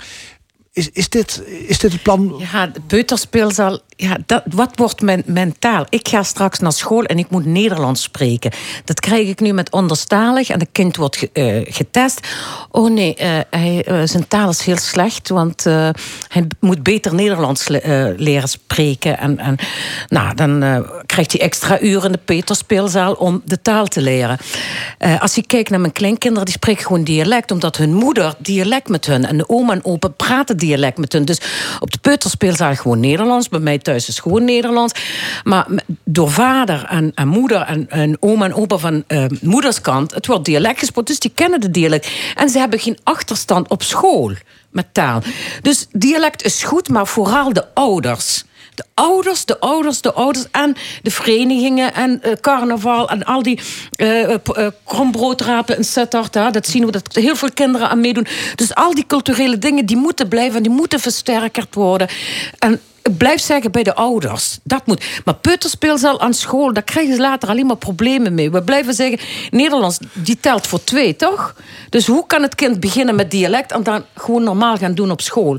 Voor mij als onderstalige is een grote vraag. Maar Ja, dat kan ja, de ja. andere dan anders eh, uitleggen. Ik, ik, ja, ik heb een paar opmerkingen. Ik vind het een ontzettend sympathiek en goed idee om dat te stimuleren bij kinderen. Vooral op een wat speelse manier. Eh, dus, dus eh, erg goed, leuk, een variatie ervan. Leer het spelenderwijs.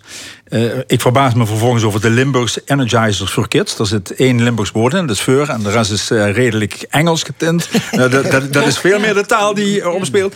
En eh, er is een andere observatie. Eh, eh, ik heb veel eh, schoonfamilie in het Westen wonen. En dan zeggen ze: Goh, Wim, we vinden eh, Lilian Ploemen van de PvdA zo sympathiek. Maar dat dialect, hè, die, dat, die, die, daar, daar komt dan meteen achter, achteraan. Dus ze wordt niet eh, beoordeeld op. Ze wordt wel beoordeeld en gezien als mooie. Eh, eh, uitgangspunten. Maar, maar de- die taal van haar, die, dat, dat, dat dialect wat er doorheen klinkt, dat komt er meteen als een soort van sneer. En is een negatief als een- element. Ja, ja, dus het- als kracht niet. Maar ik vind dit een heel goed initiatief. Maar ik moet er nog even uit, uit eigen ervaring iets mee Ik heb vier eh, zonen en ik heb vanaf dag één eh, zeg maar, eh, dialect met de kinderen gesproken. En die hebben altijd Nederlands teruggesproken. En mijn vrouw spreekt ook dialect met de kinderen. Dus het is, het is zelfs ouders die goede wil tonen, is het heel moeilijk om tegen de buitenwereld te vechten. Want du moment dat er scholen zijn en er wordt niet op het, op het schoolplein dialect gesproken, maar Nederlands is de voertaal. Ja, dan verlies je het eigenlijk, zou ik maar zeggen. Ja, dan ben je dat- te dat weinig om dat dialect erin te rammen. Ja, dat is ook de bedoeling van dit eh, plan. Hè? Om het juist op die, eh, bij de kleinste kinderen al eh, in elk geval duidelijk te maken dat dialect ook gewoon een volwaardige taal is. Ja. Maar het is een stuk van Goed onze initiatief. identiteit, onze Limburgse Ja. identiteit. Hè. En dan moeten we Ja. gewoon vanaf dat we dat negatief, eh,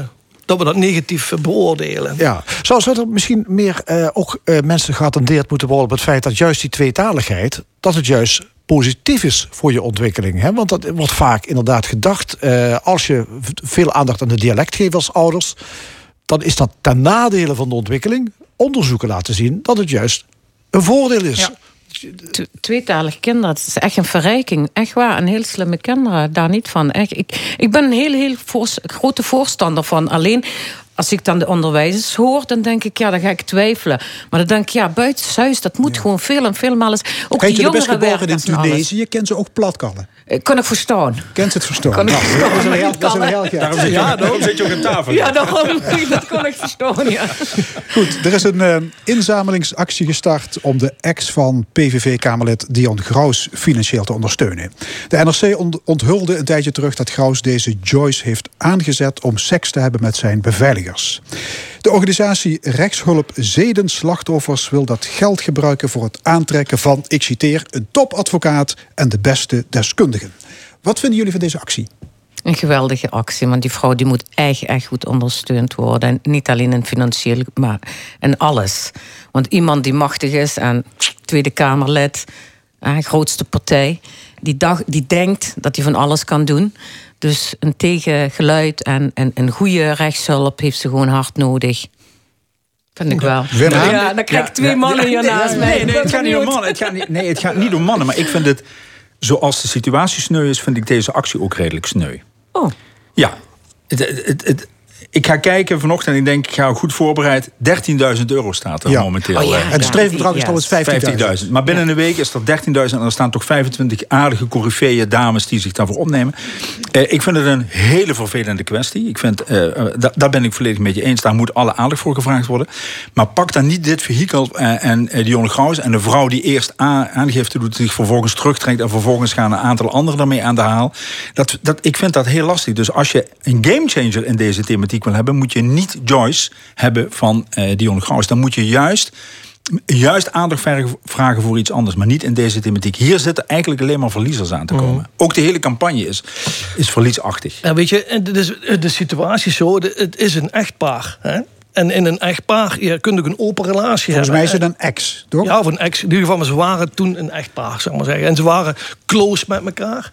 En eh, ja, god, eh, eh, als, je daar, als je daar afspraken over maakt... zou dat best in, in een relatie moeten kunnen. Maar doe maar afspraken waarover? Ja, over seks met iemand anders te hebben. Hè? geloof niet dat dit op vrijwillige nee, nee, nee, basis eh, nu wordt er gezegd dat, dat, dat dat inderdaad niet op vrijwillige basis is gebeurd. Ik zeg ook niet dat dat niet op niet vrijwillige basis of wel op vrijwillige basis is. Maar du moment als zich iemand ongelukkig eh, voelt in een situatie waarin er partnergeweld heeft plaatsgevonden en je doet aangifte, dan is het aan het Openbaar Ministerie om daar onderzoek in te doen. En dan heb je slachtofferhulp. En dat zijn professionele mensen die voor iedereen in Nederland die slachtoffer zijn van partnergeweld eh, in de rij staan om gewoon goede eh, slachtofferhulp te verlenen. En dan heb je volgens mij geen 50.000 euro voor nodig. Dus ik denk dat het meer, ja, meer een, een soort kapstok is om een bepaald thema eh, aan de orde te stellen. En, en eh, ja, ik weet niet of, of deze casus daar nou zo... Nou ja, eh, die, die, die organisatie zegt... het is in de praktijk bijna onmogelijk... om daders van zedenmisdrijven door een rechter veroordeeld te krijgen. Nou. Wanneer je naar de politie gaat... sta je als slachtoffer al 10 punten achter... omdat jij moet bewijzen dat je iets niet wilde. Dat is echt zo. Vanaf 16 jaar, zelfs een kind. 16 jaar. Weet je wat de zedenpolitie zegt? Ja, zij is 16 en ze heeft geaccepteerd. Als ik geen nee durf te zeggen... en die partner of die verkrachter, die blijft maar doorzeuren... dan zeg ik ja. En echt waar, ik vertel nu iets waar gebeurde verhaal. 16-jarig meisje die niet 100% verstandelijk is. Wat zegt de politie? Ja, zij is 16, dat mag. Dat MeToo-affaire hier in Nederland, het wordt echt niet serieus genomen. Die hebben groot gelijk. Nogmaals, het gaat niet om het geld, maar een vrouw staat inderdaad 10, 20, 30, 50 punten achter wat betreft seksueel misbruik. Ja, maar wat- Oh, nee, dat- dat- of getrouwd of niet getrouwd. Tuurlijk. Als hij Kamerlid Ja. is en ik durf geen nee te zeggen, of ik ga aangifte doen en daarna gaat hij me chanteren, of ik weet niet wat hij me allemaal doet, dan ga ik mijn aangifte terugtrekken. Alleen al de schandaal niet meer in te gaan. Maar de vrouwen in deze, daar kan ik me echt boos om maken, die zijn echt slachtoffers vanaf punt 1. Sommige vrouwen durven helemaal niks te zeggen. Zelfs bij verenigingen en stichtingen hier in Limburg gebeurt dat. Dat de voorzitter zich aantastelijk maakt tegen vrouwen en die durven niks te zeggen, want als ze aangifte gaan Ja. doen, daar is niks te bewijzen. En je bent volwassen en je had je kunnen verdedigen en had je nee kunnen zeggen. Maar. Ja. Nee, ik, ik merk dat... Het Ik is merk goed dat je, ja, dat, je ja. dat zo ziet hoor. Nee, maar je moet je voorstellen, 50.000 euro in deze casus voor een goede Ga advocaat. eens kijken wat de advocaat kost. Ga Nee, maar dat lijkt erop alsof ze de advocaat nodig heeft. Maar er is, mijn stelling is juist dat er geen advocaat nodig is in deze. We hebben het Openbaar Ministerie en we hebben slachtofferhulp. En die doen echt hun best. Ja, en we moeten ook afwachten of het OM een strafrechtelijk onderzoek tegen ja. Dion Graus zal Ja, instellen. ja. Hartelijk dank, discussiepanel. Vandaag met eh Heger Harzi, Wim Haan en Mark Hermans. En dit was de stemming vandaag gemaakt door Edwin Maas, Angel Zwarts, Fons Geraas en Frank Ruber. Graag tot volgende week zondag, dan weer om 11 uur met een nieuw verkiezingsdebat. Dit programma wordt herhaald maandagavond om 8 uur. Het is ook te beluisteren via onze website l1.nl, via podcast en via Spotify. Zometeen op deze zender L1 Sport. Ik wens je nog een mooie zondag.